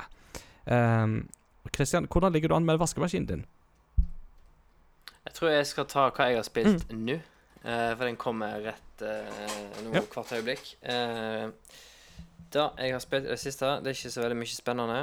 Jeg har uh, flytta, og det har tatt lengre tid enn jeg trodde. Og It opp og sånn. Men, ja, men da jeg har brukt litt tid på Jeg har spilt Warframe. Og så har jeg kjøpt meg en ny gaming-PC for noen måneder siden. Og så ble jeg gira på et annet sci-fi-skytespill som jeg er veldig glad i. Eh, Destiny? Nei, som, eh, som jeg har på PlayStation 4. Destiny. eh, som jeg så var på tilbud, og jeg investerte i Destiny Mm. 2. Og det er litt fordi at eh, når Destiny 2 eh, kommer Neste expansion kommer ut, så lanserer de òg cross-save. Så det vil si at du du kan Ja, du har en slags sånn cloud save-løsning, da, men som er på tvers av plattformer. Så da kommer jeg nok til å eh, spille seg på PC med noen folk, og på PlayStation med noen folk, men kan spille samme game, Mm. på en måte, da. Samme karakterene. Så det Jeg har lagt litt eh, Ja, investering av eh, den lille gamingtingen jeg har hatt der. Men ellers ser jeg veldig fram til å komme videre i Fire Emblem Three Yes. Houses. Det er nok noe som jeg har Jeg har lada opp switchen nå og har lyst til å ha meg en liten kveldsøkt i kveld etter vi har spilt ferdig inn podkasten. Men eh, jeg tror faktisk at jeg skal si eh, takk for meg, og at jeg kommer tilbake i Mhm. del to. Den er god. Da skal du få lov til det. Og så får du ha lykke til med Mm. vaskemaskinen. Eh, da kan eh, jo du, Mats Jakob, fortelle hva du har spilt i det siste. Eh, jo, jeg har spilt uh, ehm, eh, Hva heter det spillet vi snakka om sist på Switch? Castlevania-spillet som ikke er Castlevania, som heter eh, Bloodstained. Richard- Bloodstained, Ritual of the Night. Det har jeg Ja. fått testa. Og vi har jo snakka Ja. litt kort om det med det. Men, Mhm. eh, Nå har vi jo vi det begge to, så mm. Eh, enten så har de fiksa de problemene du snakka om, eller så bare er du mye mer sensitiv for meg enn, Mye mer sensitiv enn meg på input lag. Eh, Mhm. Og selvfølgelig lastetidene var jo ikke fantastiske. Men eh, jeg syns ikke det var Jeg opplevde det på ingen måte som uspillbart, da. På mm. Switch. Ja, men det er jo godt, da. Eh, men jeg har ikke funnet ut om Du har ikke funnet ut om det har kommet noen oppdatering etter at du spilte det? Som fiksa Jeg har ikke fått tid til å sjekke Jeg har ikke fått tid til å sjekke det, nei, så Men eh, ja, fortell om helhetsinntrykket av eh, Bloodstained. Dette uh, vampyrjegerspillet som egentlig ikke er vampyrjegerspill. Nei, jeg har ikke fått spilt så fryktelig mye, men, uh, men jeg syns jo Det er jo Metroidvania. Det er jo eh, Altså, i garasje er jo veldig, veldig god på det han driver på med. Jeg Mm. syns jeg. Sånn at jeg, jeg syns jo at det, det på en måte Det er jo ikke noe, det er jo ikke noe nytt. Det er jo på en måte Nei. bare mer av noe bra. Altså, det er jo en Mm. ny serie, men, men det er jo ikke De har jo ikke funnet opp kruttet. Um, Nei. Og så er jeg jo litt sånn uh, Jeg har ikke fått bytta til japansk stemmeskuespiller. Jeg vet ikke om Er det japansk stemmeskuespill på det spillet? Ja, Ja, det er det. jeg har ikke fått bytta. det skal være tilgjengelig i options. For den engelske var krekslig. syns jeg, da. Jeg syns ofte det Ja. Men jeg tror Cineblade Chronicles er verstingen på engelsk stemmeskuespill. Det er nok sant, ja. Um, jeg var jo faktisk for en gangs skyld stikk stikk utsatte ende. Jeg syns at det japanske ble slitsomt å slatte over til engelsk. Ja. Uh, og det er jo klart at Jeg setter jo stort sett alltid pris på japansk stemmeskuespill, men i dette tilfellet så gikk jeg for det engelske, altså. Uh, og var mer fornøyd der, egentlig. Så Ja. um, Jeg forstår jo ikke hva de synes... sier på japansk. Sånn at eh, det er nok annerledes for meg det der. Mm. Nok, Um, eh, Jeg, jeg, jeg, jeg er for øvrig litt enig i det som du sier, ikke sant? at det, det er jo bra, det som er laga. Det er jo absolutt det, ikke sant? Men samtidig så er det ikke så mye nytt heller. Uh, og det er jo litt det jeg sitter igjen med òg etter å ha blitt ferdig med spillet, er jo det at uh, det, det, det er et klassisk 2D Metroidvania på godt og vondt. hmm. Uh, som vil si at um, det er ikke skrekkelig dårlig under noen omstendigheter, men det er ikke helt innertier superfenomenalt fantastisk heller. Um, og det var litt synd, da. Um, jeg hadde kanskje håpet litt mer, og så er det jo det at Metroidvania-sjangeren har jo fått mange gode spill de senere årene, Mm. og da føler du at Bloodstain kommer kanskje litt for seint i det løpet der. Det gjør det nok. Men uh, Mm.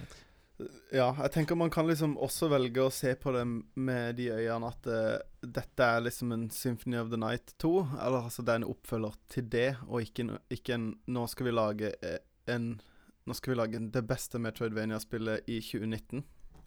Altså til Mm. nå, på en måte. Men jeg føler at det er liksom en Det er en stor omasj til Til et PlayStation 1-spill, da. Eh, og, Mm. og det syns jeg det gjør bra. Det er litt samme som det var med denne her eh, remaken av Metroid eh, 2. Gameboy-spillet, var det ikke den som kom på 3DS nå nylig? Fikk jo også mye Jo, kritikk for litt samme kritikken eh, som du er inne på nå, da. Med at det er liksom Mm. de, de hadde jo gjort noe nytt, men det var ikke nok, på en måte. Altså, det er sånn Mm. Ja, men eh, Ja. Var det, folk var, Noen var uenige, for det var liksom det, det skulle jo ikke være mer, på en måte. Men selvfølgelig, det her kunne Men jo vært mye mer. Men jeg likte det bedre, faktisk, enn jeg likte Bloodstained, hvis jeg skal være helt ærlig. Ja. Uh, og faktisk òg så vil jeg òg si at jeg likte bedre uh, den spin-offen av Bloodstained som kom i fjor, som heter Curse of the Moon. Mm. Den syns jeg var helhetlig sett mye bedre, uh, og fikk mye bedre til det den prøvde på, Ja. enn det Ritual of the Night faktisk gjør. Um, for Ritual of the Night blir litt langt og gjentakende, og visse områder føles litt tomme òg, faktisk.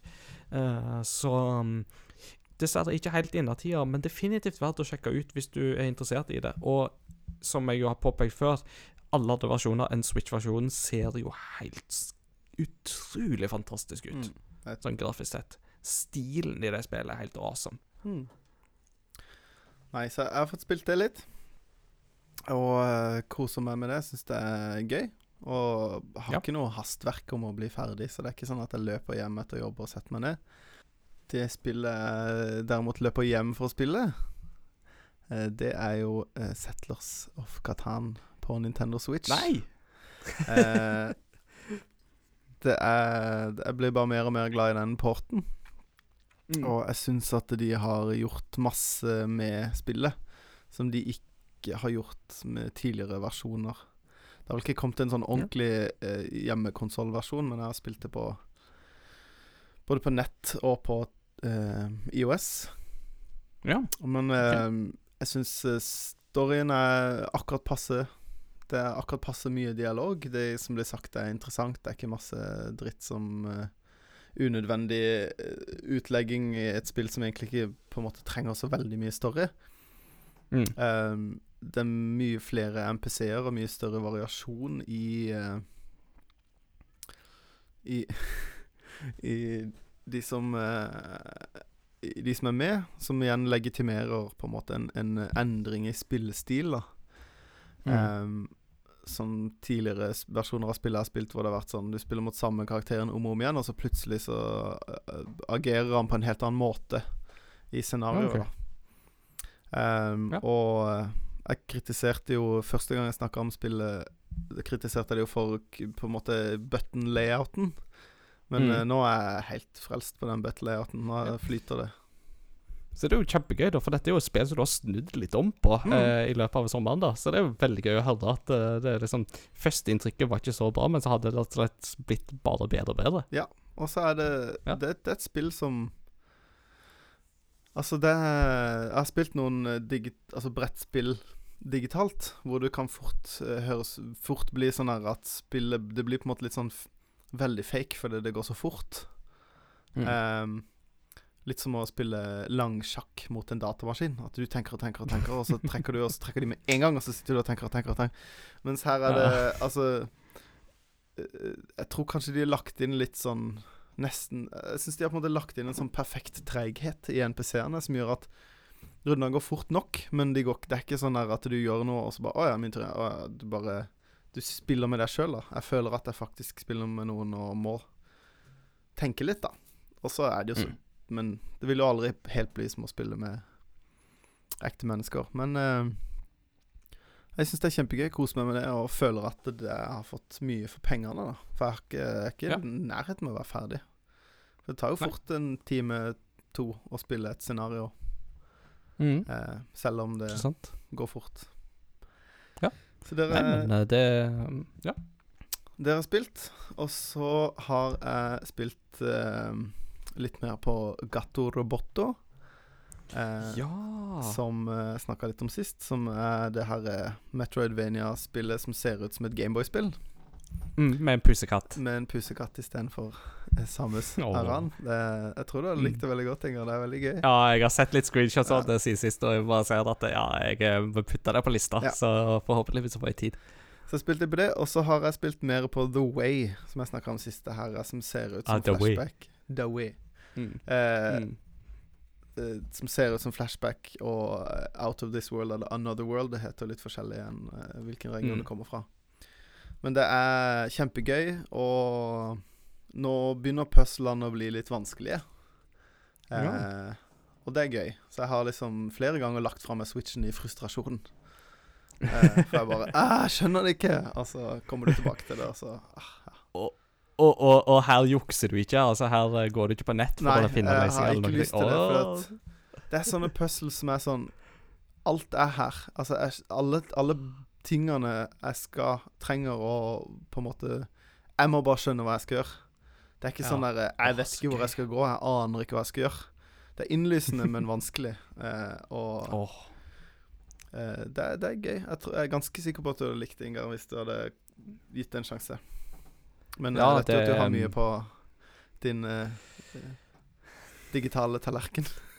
Ja, det er ikke akkurat altså Jeg sier fortsatt at hvis folk vil betale for en eh, Altså vil gi meg betalt permisjon et års tid, så jeg bare kan bli kvitt alt på backloggen min, så hadde det vært veldig fint, altså. Men uh, jeg, jeg tviler på at jeg er så heldig. Ja, det, er det min tur, da? Det, eller? Jeg kan gi meg der, ja. Jeg skal ikke Du sitte og leite. Nei, Jeg skal ikke sitte og grave. Jeg pleier ikke å skrive ned det jeg har spilt. Ja. Nei, ehm, jeg har spilt videre på Fire Emblem Three Houses, Mm. uh, som vi jo snakket om sist gang. Uh, og det er jo et spill som bare gir og gir, uh, og som har fryktelig mye innhold. Så det er en sikker inner Ja, jeg, jeg kan ikke si innertier, for jeg ga det jo ikke så høy karakter. Men Mm. har du en Switch og er på jakt etter noe som er underholdende, og vil gi deg valuta for pengene, så er Three Houses definitivt et godt sted å begynne, Mm. altså. Eh, fortsatt kjempegøy. Eh, Storkoser meg, og det utfordrer på det strategiske òg, altså. Så det er definitivt eh, Har definitivt gitt litt å gi der. Uh, Bloodstain det er jo det jeg har brukt kanskje best tid på em, for å anmelde det for Game Rector, som Mm. jo da um, anmeldelsen er ferdig og ute og klar. Um, men så har jeg òg endelig fått eh, tatt meg tid til å spille Devil May Cry 5. Ja. Ja, så nå fikk jeg jo Jeg spilte jo Devil May Cry 1 til 4 i uh, våres. Mm. Jeg har ikke spilt Ninja Theory sin spin-off DMC Devil May Cry. Det har jeg hoppa over. Mm. Um, men så spilte jeg nå Devil May Cry 5 på, på PC. Og det er gøy, altså. Mm. Det er guns blazing hack and slash action som det ljomer etter, og det er så gøy å bare gi seg i kast med. Uh. Veldig, veldig artig. Uh, og Christian har jo snakka mye om dette spillet før, men uh, den definitive innertieren i dette spillet, det er jo han den nye rollefiguren som heter Vi. Ja, Som ser ut som en sånn anemisk goth-versjon av Kylo Ren. Som bare går rundt og leser dikt, og så kommer det en kråke, en jaguar og en sånn golem inn, og du bare slåss for den. Kult. Og så må han alltid ta finisheren med stokken sin, for selvsagt så går han med stokk. Ja. Selvfølgelig. Ja da.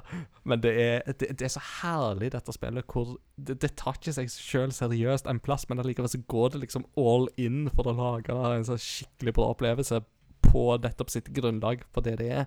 Så det er definitivt gøy, altså. Og med tre rollefigurer som har veldig distinkte måter å spille på, så gir det mye variasjon og veldig artig gameplay. Um, man kunne jo tro at uh, Devil May Cry sin tid var over, nå som spill som Bayonetta f.eks. er introdusert, men uh, jeg tror det er plass for både Bayonetta og Devil May Cry i Mm. dagens uh, spillmarked. De gjør sine ting mm, veldig bra på hver sin måte. Mm. Så, eh, og en sånn fun liten detalj der er det at um, du må ikke ha spilt de forrige spillene, for du kan bare gå inn på en sånn uh, liten sånn tekstvideo som gir deg en uh, oppsummering av uh, spillene så langt. Ja. Og Devil May Cry er bare kort oppsummert med én setning. Devil May Cry 2, mente jeg. Mm. Som jo er kjent for å være det dårligste av alle spillene. Det er jo liksom Det er én setning om handlingen i Devil May Cry 2, så selv Capcom innrømmer OK, det spillet, det var dårlig. så det var sånn Ja, ja, ja, jeg spilte alt, jeg. Og det er sånn De bare hoppa glatt over på måte 2 Det er bare sånn Ja, vi anerkjenner at Devil May Cry 2 skjedde. Nå går vi videre til Devil May Cry 4. så det var festlig. Um, så det er det jeg har brukt mest tid på. Og de par siste dagene nå så har jeg òg uh, hosta opp Apex Legends igjen. For nå har jo det spillet en solomodus som jeg kan prøve seg på, men som bare er tilgjengelig i to uker enn så lenge.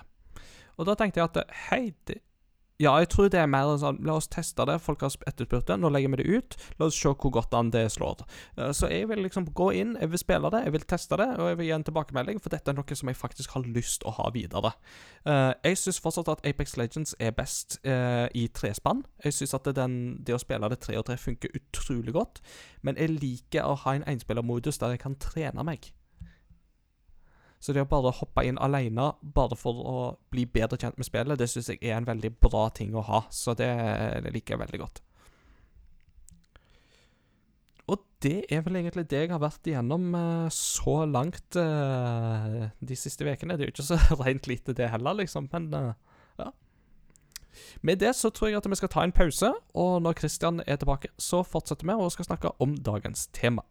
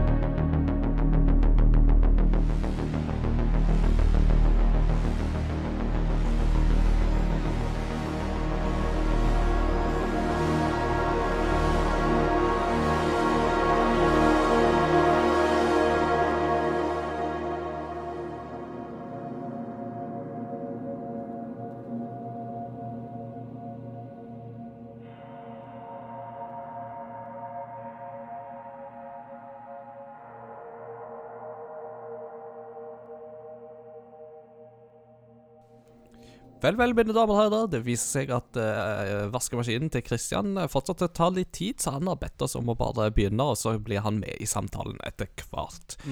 I forrige podkast så nevnte vi en uh, liten sak under kunngjøringene, og det var at Anti-Defamation League i USA, som da jobber mot uh, hat og mobbing i alle instanser og kanaler, publiserte en rapport i sommer om netthets og nettrakassering. Og det er litt av det vi skal snakke om nå framover. Eh, jeg tenker Mats Jakob, at vi går litt igjennom noen av tallene fra rapporten innledningsvis, for det gir oss litt eh, utgangspunkt eh, i det vi skal snakke om. Mm. Ja.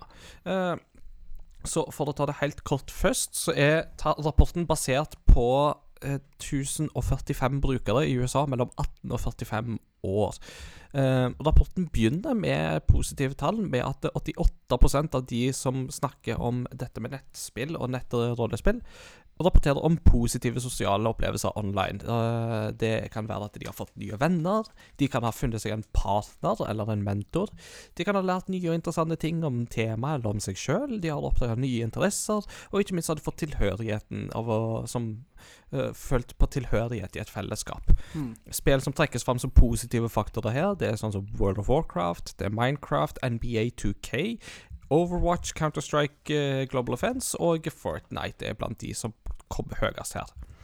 Men så kommer en til de mer skyggesidene ved rapporten, som oppsier det at samtidig som at 88% har opplevd positive ting, så har også 74% opplevd negative faktorer ved nettspilling.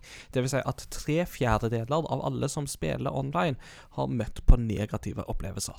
Hmm. 65 vil karakterisere disse, uh, dette som alvorlig trakassering av en eller annen grad. Eh, som jo igjen er ganske alvorlig og deprimerende tall. Grov, eh, eller alvor, mer alvorlig trakassering inkluderer da ting som fysiske trusler. Det kan inkludere stalking, altså at eh, folk begynner holdt på seg å følge etter de enten online eller real, real life. Eller vedvarende trakassering. Og 29% har faktisk opplevd òg det som kalles for doxing, som jo da er internettslang for document dropping. Doxing innebærer da at folk har funnet informasjon om deg i det virkelige liv, og publisert dette på en eller annen offentlig kanal. Eh, det kan jo innvære alt ifra holdt jeg på å si, din adresse til at eh, folk i verste tilfelle har hacka telefonen din og publisert pikante bilder eh, om deg i offentlige rom. Mm.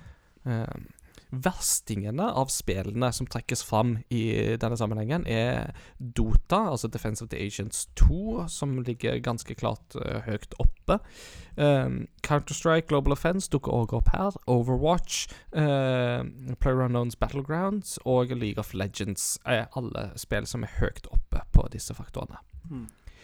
Videre i disse tallene så påpeker 53% mener at de har opplevd trakassering basert på rase, etnisitet, evne, religion, alder eller seksuell legning.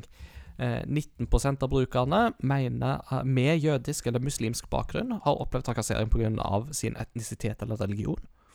Eh, de som derimot opplever som enkeltgruppe mest å bli trakassert, det er kvinner. Mm. 38% av kvinnene opplever trakassering på grunnlag av kjønn, og 35% av de som tilhører en eh, ikke eh, um, heterofil eh, legning, har opplevd trakassering på grunnlag av legning. Mm. Eh, det som òg er skremmende inni alt dette her, er at eh, i diskusjoner og samtaler og lignende, så har 23% av de spurte opplevd diskusjoner som er knytta til white supremacy-ideologier. Altså dette med hvit den hvite rases overlegenhet, Mm. som er ganske høyt. Eh, dette har jo medført visse reaksjoner, eh, der eh, 19% har uh, slutta å spille spillet helt og holdent, mens en tredjedel de unngår visse typer spill basert på det de sjøl har opplevd, eller det de hører at andre har opplevd. 23% av de spurte sier at trakasseringa har gjort de mindre sosiale, totalt sett, både online og i real life. Og det kanskje mest alvorlige er jo det at 10 har, sier at de har utvikla depressive eller suicidale tanker som følge av trakasseringer. Mm. Eh, helt avslutningsvis så er det òg verdt å nevne at eh, in game chattetjenestene har klart større problem enn utenom eh, chattetjenester, som f.eks. Discord. Eh, så man kan fort si at uh, spillselskapene kan ikke alltid kontrollere dette, men faktisk er in game-tjenestene mer utsatt for denne typen eh, trakassering enn det ikke in game-tjenestene er i forhold til undersøkelsen. Hmm. Det er de tallene som eh, rapporten i korte trekk eh, går igjennom og presenterer. Og Mats Jakob, hva er dine første tanker som slår deg i møte med denne lesningen her?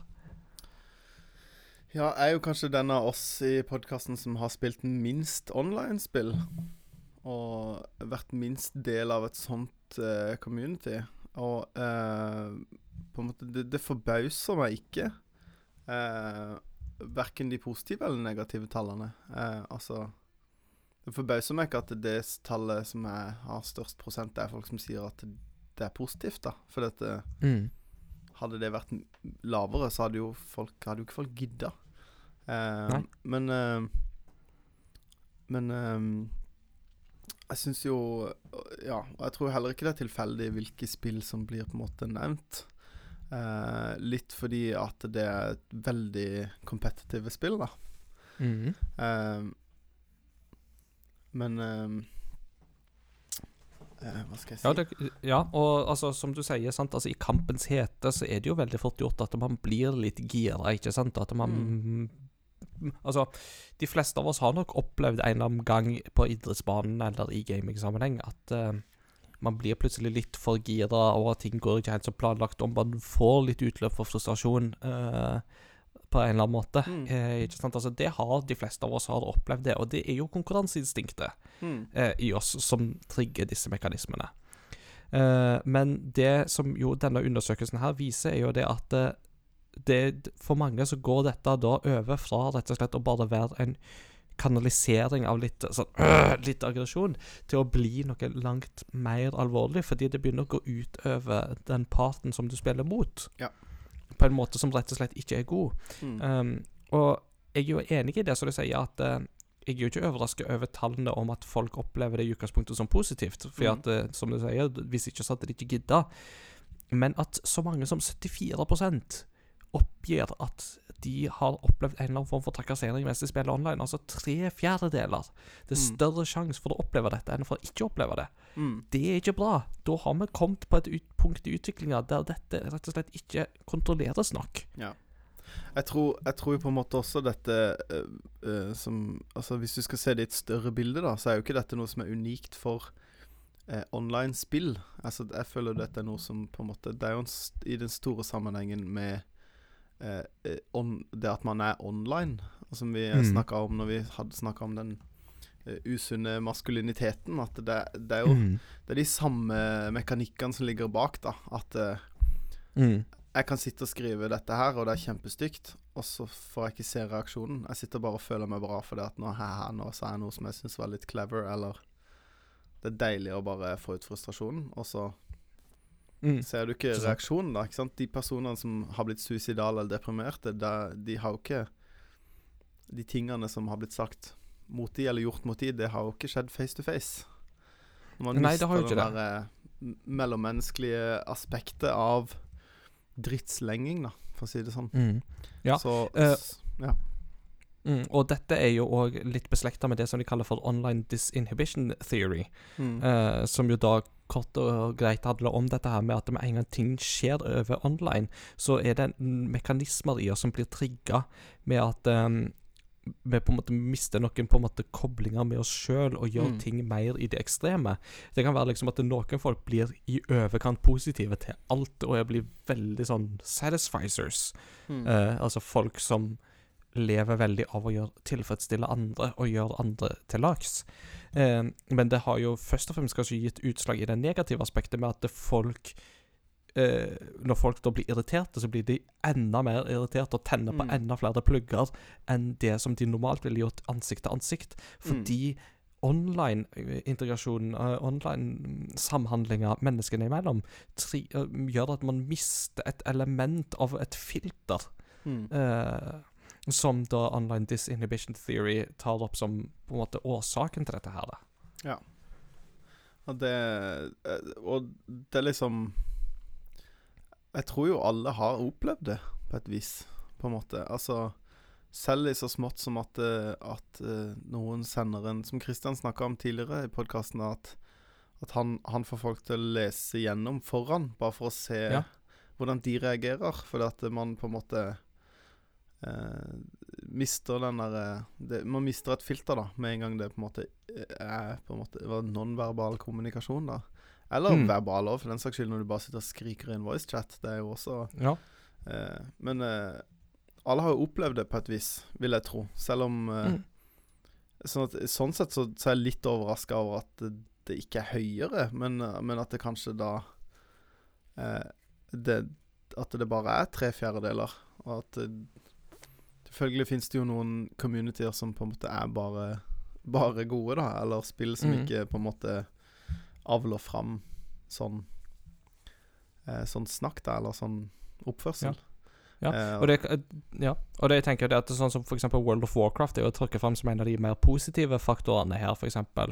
Og jeg tenker Mhm. at det, hvis, det, det kan jo alltids tenkes ikke sånn at noen er så heldige at de kommer inn i ei gruppe der eh, miljøet er veldig, veldig godt, mm. og som en konsekvens av at de kun da er i det miljøet, så opplever de egentlig bare positive ting Mm. med det.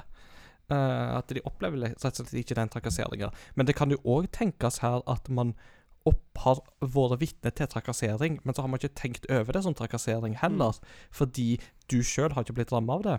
Det er klart Ja. at både du og meg er hvite, heterofile menn. Mm. eh, med den konsekvens at uh, bare der så er jo du og meg spart for veldig mye drittslenging. mm, absolutt. Og, og det gjør det jo plutselig at uh, kanskje det er noen sånne subtile trakasseringsmekanikker eller fornærmelser som vi rett og slett ikke observerer, Mm. eller får med oss, fordi at det er ikke retta mot oss, og da tenker vi fort ikke over, Mm. over det. Pluss at Så- tenk, Ja, det, det er ikke så veldig mange eh, ord som blir brukt som skjellsord. Altså ord, eh, betegnelser for oss som blir brukt som skjellsord, f.eks. Nei, Altså, ikke sant? Det, det, det er ikke så veldig mange Men- mm. som blir sinna, så sier de ah, 'hvite mann'. Ja, ikke sant. Altså, det er klart at eh, i, i, den grad det hadde vært eh, relevant, så kunne du og meg kanskje eventuelt liksom fått slengt det til oss sånn Å, din kristne streiting, eller noe sånt, i Ja. sånn beste sånn ut i vår hage-stil. uh, men, men, eh, men sånn utover det, så er det jo klart at uh, vi er spart for en del ting. Mm. Mens uh, hadde vi hatt eh, jødisk bakgrunn, f.eks., Mm. så hadde vi jo vært mye mer utsatt med en gang. Fordi at uh, begrepet jøde, Jew, blir jo fortsatt brukt som et skjellsord selv i den norske skolegården.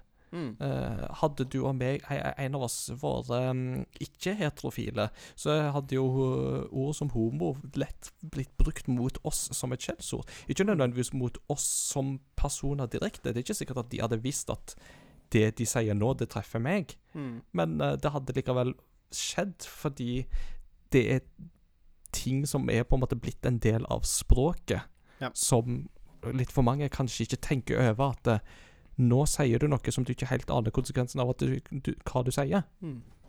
Jeg tror også at eh, eh, det du sier med at folk Noen opplever kanskje trakassering uten å, uten å på en måte eh, bli krenka, da. Personlig Mm. krenka, eller at eh, At eh, for noen så Jeg ser for meg at veldig mange av disse tingene skjer i litt sånn At det er litt sånn guttastemning. Eh, Mm. At man er vant til at man sitter og spiller uh, Fifa eller Smash eller et eller annet, og så er det litt sånn eh, drittslenging i sofaen, som er vennskapelig, da.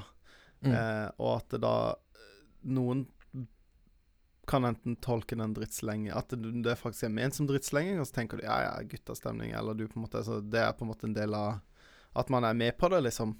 Eh, Mm. Eller at Eller at At noen er litt mer tykkhuda enn Mm. enn en andre, eller kanskje mer tykkhuda enn de bør være, da. Altså at de på en måte det, At det er en vane, da. At du tenker ikke ja, 'jeg blir ikke krenka av det', eller Sånn er det bare. Mm.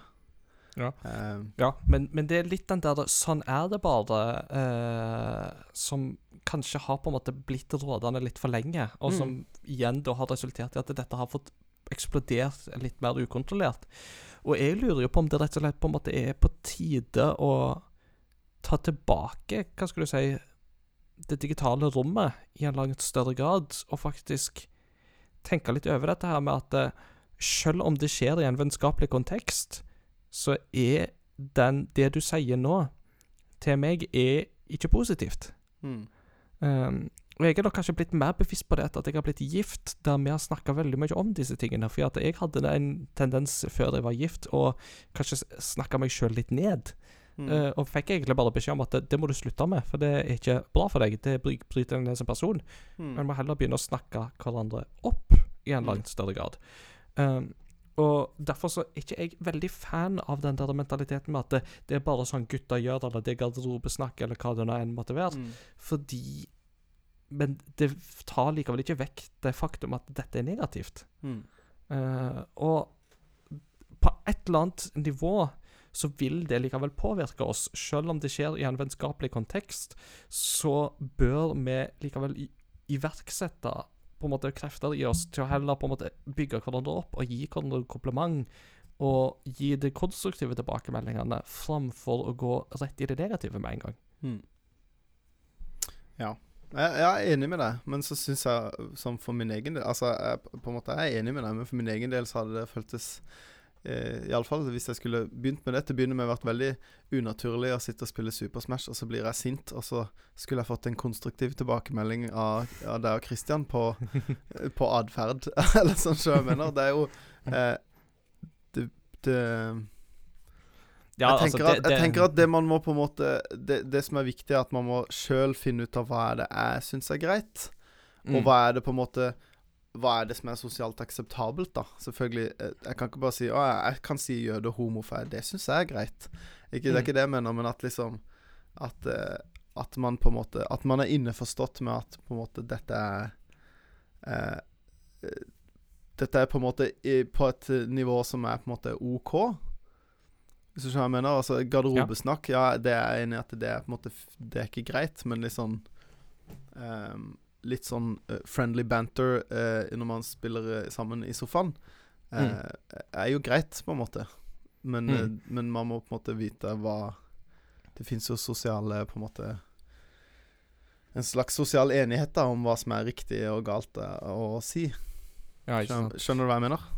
Ja, nei, jeg skjønner veldig godt hva du mener. Og igjen så tenker jeg at det å finne den der balansen der mellom hva skal du si, konkurranseinstinktet som på en måte trigger litt sånn fram og tilbake-spill, ikke sant, eh, mm. på den ene sida, eh, er i og for seg greit, men en må likevel på en måte ta grep for å sørge for at det skjer i en vennskapelig og en god og til syvende og sist konstruktiv kontekst.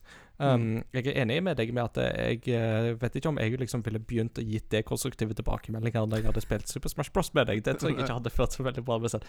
OK, det du gjorde nå Ja, for det, Cloud da, Det da, du burde gjort der i stedet. da hadde jeg følt meg krenka. Ja. altså, trust me, jeg har spilt golf. Hvis du er med meg på en golfbane og begynner sånn, da kommer jeg til å slå deg med golfklubba. Det er, nest, det, det er nesten ikke å tulle engang. For det, når jeg blir aggressiv på en golfbane, da, er jeg da, da, da er ikke jeg til å snakke til. Da er ikke jeg mottagelig for det der. Eh, men hvis det skjer innenfor kontrollerte rammer, hvis jeg går til en golfinstruktør og sier jeg trenger å bli bedre, lær meg hva jeg gjør feil nå for at jeg skal bli bedre, så skjer det innenfor en kontekst og en ramme som er mye mer akseptabel. Mm. Mm, og da er jeg mottagelig for de tilbakemeldingene. Mm. Og jeg vet at golfinstruktøren gjør det fordi det er til mitt eget beste. Mm.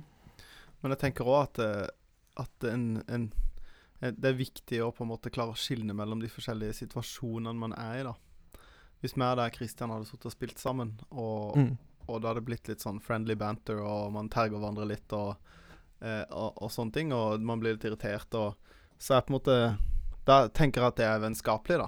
Altså, vi, Mm. vi er venner, og jeg sier ikke Jeg vil ikke terge deg hvis jeg slo deg i Super Smash Nei. og sagt liksom Så hadde ikke jeg tenkt at eh, da, da gjør jo ikke jeg det fordi at ja, nå er, jeg hater deg, Engar. på en måte. Nei, Men hvis du tar den eh, på en måte litt den attituden med inn til fremmede, da, Mm. som ikke er trygg på det, så vil det jo tolkes på en helt annen måte. Eller kan tolkes på en helt annen måte. Mm. Med folk som ikke er innforstått med, med Eller at du tar med deg på en måte én sosial regel da som er for en spesiell setting, inn i på en måte et, et annet rom, da hvor ikke de Mm. samme reglene gjelder. da Og så langt så har vi jo egentlig bare på en måte vært litt inne på dette som har med verbal kommunikasjon å gjøre, litt sånn verbalslang og sånt. Mm. Men det som jo er litt bekymringsverdig i denne undersøkelsen, er jo det at av alle de som har opplevd eh, trakassering, så sier jo 65% altså to tredjedeler, Mm. at de har opplevd en alvorlig form for trakassering. Mm. Og da begynner vi på en måte å gå utover mer enn bare vennskapelig banter som blir mistolka. Da begynner vi faktisk å gå inn på faktiske problematiske holdninger hos Mm. de som er inne i disse miljøene. Da begynner vi å snakke om psykososiale mekanismer som Mm. er ekstremt nedbrytende. Eh, og altså, nå, nå er det jo på en måte teologen i meg som kanskje snakker litt her, ikke sant? Men altså, det er på en måte litt sånn arvesynden i praksis, dette her, på en måte, ikke sant? Med at, eh, hva skal du si, nett, nettet bringer fram liksom de aller verste og mørkeste sider i menneskeheten. Eh, ikke fordi at, på en måte det ligger på en måte der latent i oss alle sammen på en eller annen måte, som Mm. Plutselig, når en på en måte mister alle hemninger, så er det litt sånn Dette får ikke konsekvenser for meg, og det er bare en del av spillet. Da bare gjør jeg sånn. Når du Eh, Når du så er, det er, kjempeproblematisk. ja, når du ikke er et miljø som regulerer det Mm. Det er jo litt sånn Jeg jobber jo på skole, barneskole. Ja. Og der er jo en av jobbene våre er jo å hjelpe barn å regulere følelser og Mm. handlinger og eh, reaksjoner, og på, veilede på hva som er greit og ikke greit å si og gjøre, og måter å reagere på, hva man kan gjøre istedenfor. Altså, det er jo en stor del av jobben til en lærer eller en forelder, altså sånne ting, da. Men når da du Mm. får sitte i et miljø hvor ikke du kan bli regulert Det er ingen som kan ta deg til side og si 'fy', eh, eller 'nå må vi Mm. snakke om det du sa'. Eh, har en veldig barneskoletilnærming til dette her, da. Så. Ja, men, Men- eh, la oss bruke det, for det er tydelig at noen av oss trenger dette her. Ja, for, men, men, eh, men jeg tenker jo at, det- at det er en ting som enten går på folk som ikke har fått Enten så har de ikke fått den reguleringa når de skulle ha fått den, av enten hjemme eller på skolen, Mm. eller av nærmiljøet sitt, da. Mm.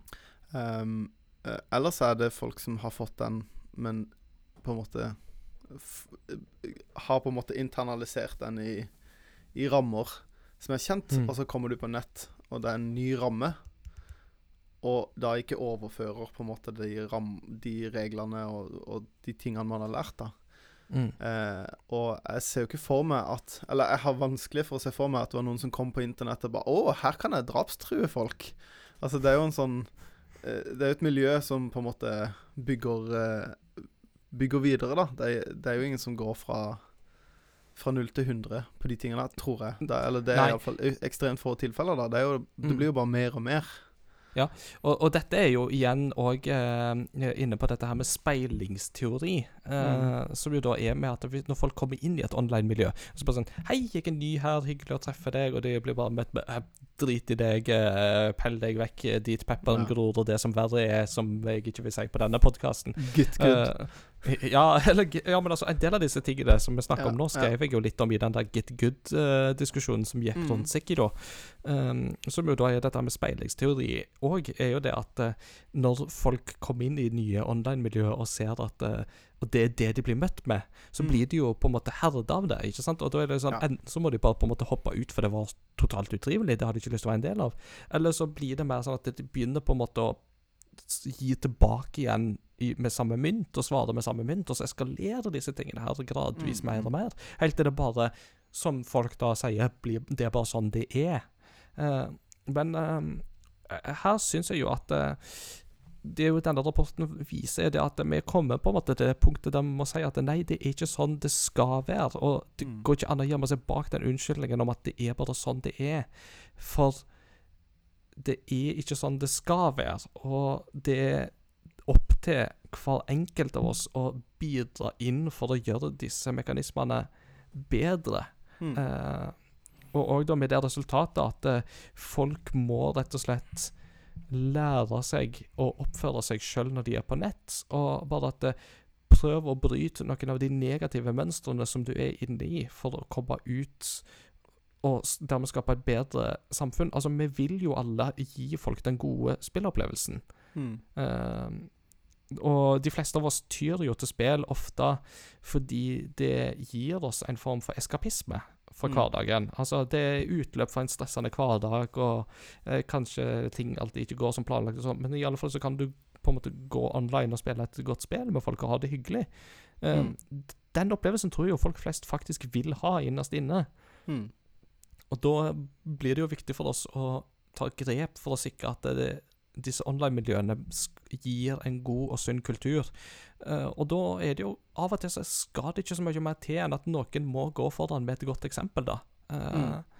Og bare si at eh, du, det det der, for, det der var virkelig ikke greit at du sa. Det der var virkelig ikke greit at du gjorde. Eh, jeg vil faktisk be om at du ber om unnskyldning for dette.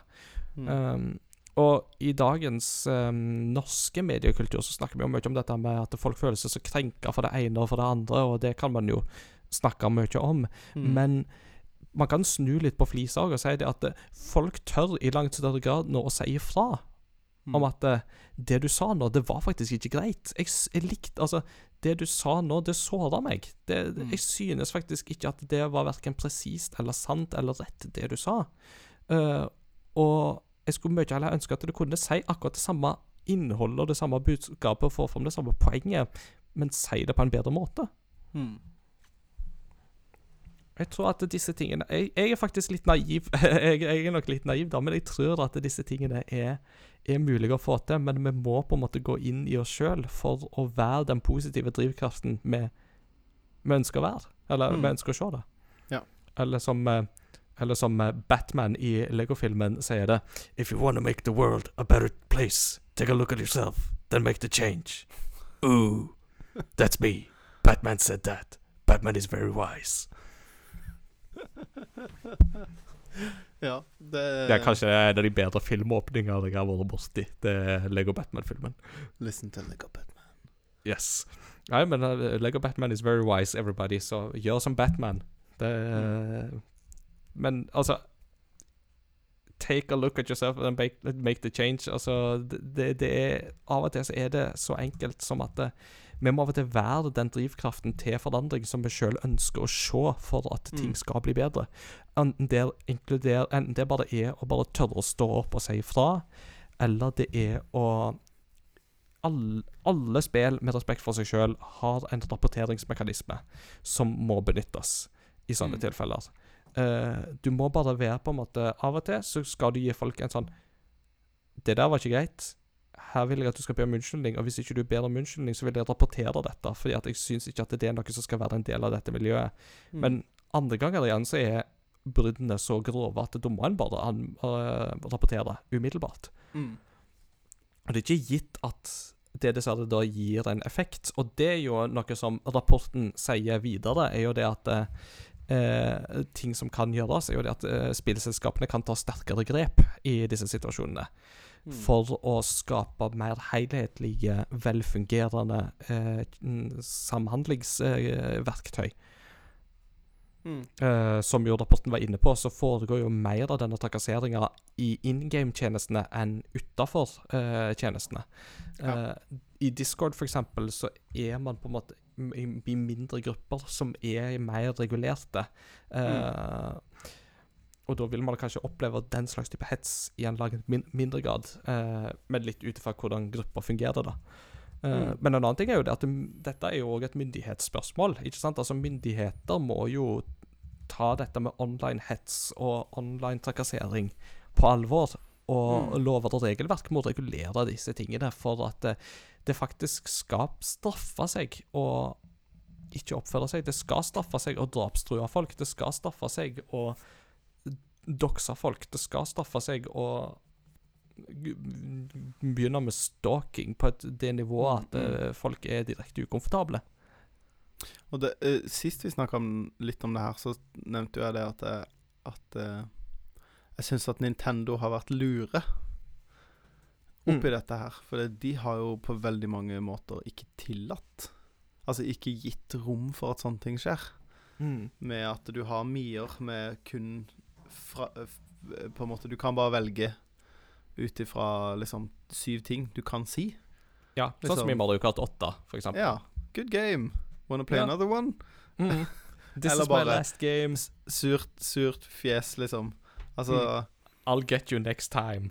Ja, og det at eh, når Splatoon kom, så var det jo ikke voice chat, Mm. for eksempel. Ikke sant? Det var ikke, du var ikke voice chat med et random med de du ble para opp med, Nei. tilfeldigvis. Uh, så jeg tror Nintendo uh, Det er jo kanskje noen Noen har Jeg har hørt noen uttale det som at de syns det er på en måte feigt. Eller at det, de syns det er kjempeteit. uh, men Og at Nintendo er gammeldagse. Eh, og Mm. det kan godt hende det er en av grunnene til at de har At de har vært veldig treige med voicechat, f.eks., og at, eh, eh, man At noen sånne online-funksjoner, som i veldig mange tilfeller er helt selvfølgelige i dag, Mm. mangler. Men jeg tror også de, jeg tror det er veldig lite som Nintendo gjør som jeg ikke er bevisst, opplever jeg. Eh, Ja, altså, jeg tror jo det at eh, man har jo gjerne klaget litt på at eh, styret i Nintendo har ikke skjønt hva internett er, og at dette har Mm. påvirka en del Nintendo-titler. Men igjen så er det noe med at eh, skal Nintendo skape et eh, spill eh, tilbud som er for hele familien, så må man ta hensyn til disse online-tingene. mm. Eh, og kanskje så er det ikke så dumt, eh, som, som du sier, ikke sant, at eh, hvis folk faktisk ikke kan oppføre seg, og hvis på en måte det er konsekvensen av å ha ting helt åpent, så får man heller lukke det, eller begrense det ganske kraftig, sånn at man i en langt større grad kan regulere det, og dermed skape at den, at den um, interageringa med hverandre da faktisk blir positiv. um, Mm. i langt større grad. Jeg synes jo sånn sett at det jo veldig festlig å se denne her eh, instruksjonsvideoen som Nintendo lagde for Parental Control på Switch. Der, eh, der du har Bowser og Bowser Jr. Eh, Ja. Og Bowser Jr. sitter jo og spiller hele tida, og pappa Bowser bare Og så går han på mobilen og skrur av switchen fordi at han har ikke brukt for mye tid og, og sånt. da. Eh, men inni der så snakker de om dette her med at der kan du liksom justere som parental controls, f.eks. inn mot online-tjenester, sånn at eh, barnet ditt ikke møter, ikke møter ting de ikke er klart for. Og da ser du at det kommer sånne boos fra internett som bare Og så kommer pappa Bowser og stiller seg foran og så Og så skremmer vekk buene. Ja. Men det er litt sånn det, men, men det er en god beskrivelse av internett. ikke sant? Altså, Internett er litt fulle av boos. Mm. Eh, og da må vi være på en måte den drivkraften som sier at vi vil ikke ha bus her. Det er Få vekk buene. Og jeg håper jo at Igjen, jeg, jeg er kanskje en naiv optimist, men jeg håper jo at denne rapporten kan være med på å skape de samtalene vi trenger for å la, skape bedre communities og Mm. bedre online-integrasjon med hverandre. Um, og dessverre så er jo internett akkurat nå i en ganske negativ dump. Uh, på mange områder. På det politiske, på det sosiale. Så er det Sosiale medier er Mange av de er i en ganske negativ situasjon akkurat nå. Men stadig flere våkner til at disse negative effektene er i sving. Og Mm. ønsker jo ganske klart og tydelig at sånn vil vi faktisk ikke ha det. Ja. Uh, og sånn som Altså, du var jo inne på dette her med at dere lærer jo barna eh, at det, det, vi skal ikke si sånn, vi skal ikke gjøre sånn. Altså lære barna regler og koder og sånne ting. Denne rapporten forteller jo om hvordan foreldrene til barna faktisk opplever det. For det er jo 18-45-åringer som har svart på den rapporten.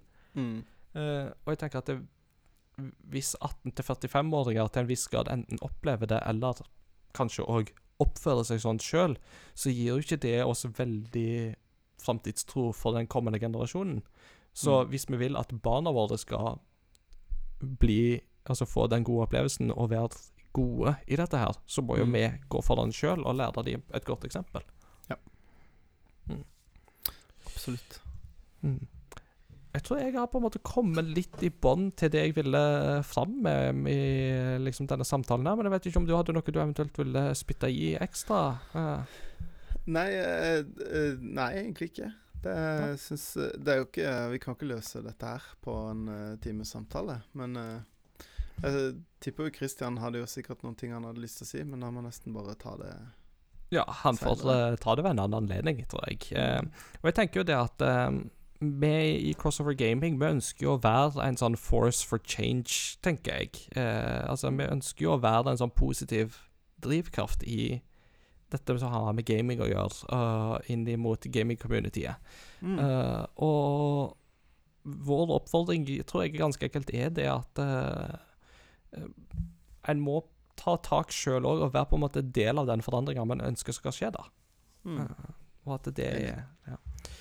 Litt sånn interessante tall på slutten av den rapporten som jeg ville ha med, var det at rapporten anslår at ca. to milliarder mennesker i verden spiller relativt jevnlig. Og spillindustrien som en helhet genererer 150 milliarder dollar.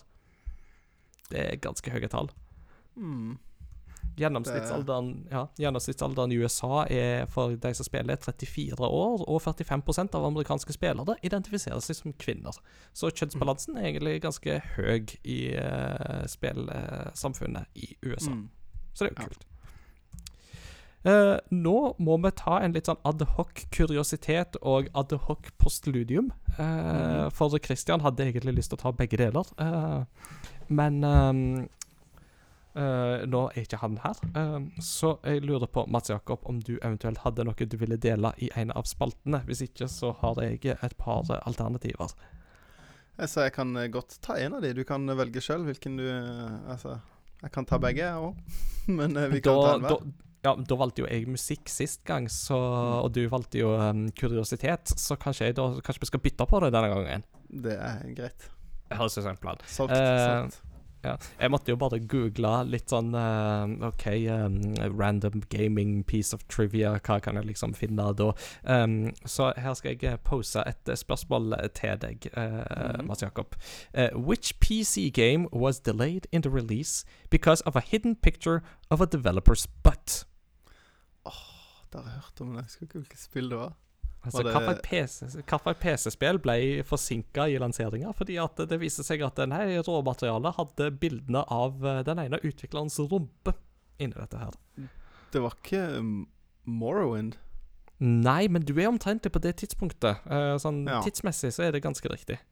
Ja, for det syns Ja, det var noe sånt. Nei, jeg husker ikke. Jeg har hørt om det Eh, før. men- du, skal få, du skal få et hint. Dette er et spill som primært forbindes med den første Xbox. Er det Halo? Nesten. Hva kom etter Halo? Halo 2. Ja, riktig. Halo 2. PC-versjonen der, som jo for øvrig var ganske dårlig fordi at den var veldig låst til det der Games for Windows-systemet. Ah, Eh, og på toppen av det hele så måtte de utsette lanseringa, og det viste seg da senere at nei, det var fordi at plutselig så hadde noen oppdaga et sånt tullebilde som uh, utviklerne hadde lagt inn, eh, der rumpa til han ene utvikleren eh, kunne vises. Uh, så der har du det. deilig. Halo 2, altså. Ja, ja, jeg tror ikke det var så deilig. Jeg tror det var derfor de måtte fjerne det. Takk. Det er bra du tar meg på ordet. Ja, ja, ja. Eh, med det så har vi da kommet til postludiet, og da lurer jeg på, Mats Jakob, eh, klarer du å eh, gi oss et postludium sånn på tampen? Eh, absolutt. Um, må plutselig bare begynne å velge litt mellom de uh, postludiene jeg har tenkt at vært gøy å Mhm. ha. Det er mange, um, mye godt å ta av i spillmusikken. Det er det.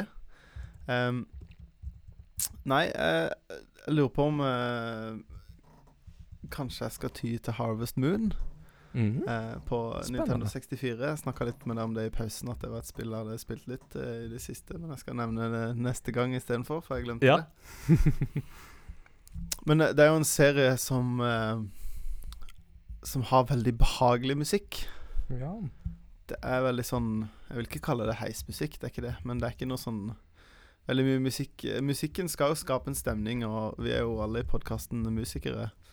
Eh, og Mm. eh, eh, Det at musikken skal på en måte framtone en stemning, er jo på en måte noe man har gjort lenge. Og i, i gammel eh, klassisk eh, musikkteori så var det jo snakk om noe som het affektlære. At Oh. forskjellige ting i musikken betydde ting. ja. At en nedadstigende de, melodi kunne bety det, og ditten og datten. Og tritonus var jo djevelens intervall. Oh. Eh, men eh, Og affektlæren er jo på en måte en del av musikk i, i dag også, men Men, men, eh, men mer sånn eh, ikke så, ikke så konkret til sånne småting i musikken, da. Men eh, ja, Mhm. du vil skyte inn nå? Jo, altså det bare da du nevnte tritonus, så fikk jeg jo Mm. vel Altså, tritonus det er jo eksempel fra C til fiss, ikke sant?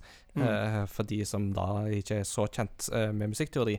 Eh, og det som er litt gøy, er jo det at eh, One Winged Angel, som jo kanskje er det mest kjente Final Fantasy-boss-temaet fra Final Fantasy 7 når du slåss mot Sephiroth, Mm. den åpner jo med tritonuser. Og nå Ja. du får den der bam, bam, bam, bam, så går det liksom bam, bam, bam, bam, og så bass, Men så går da melodien der går i en tritonus i uh, eh, intervaller.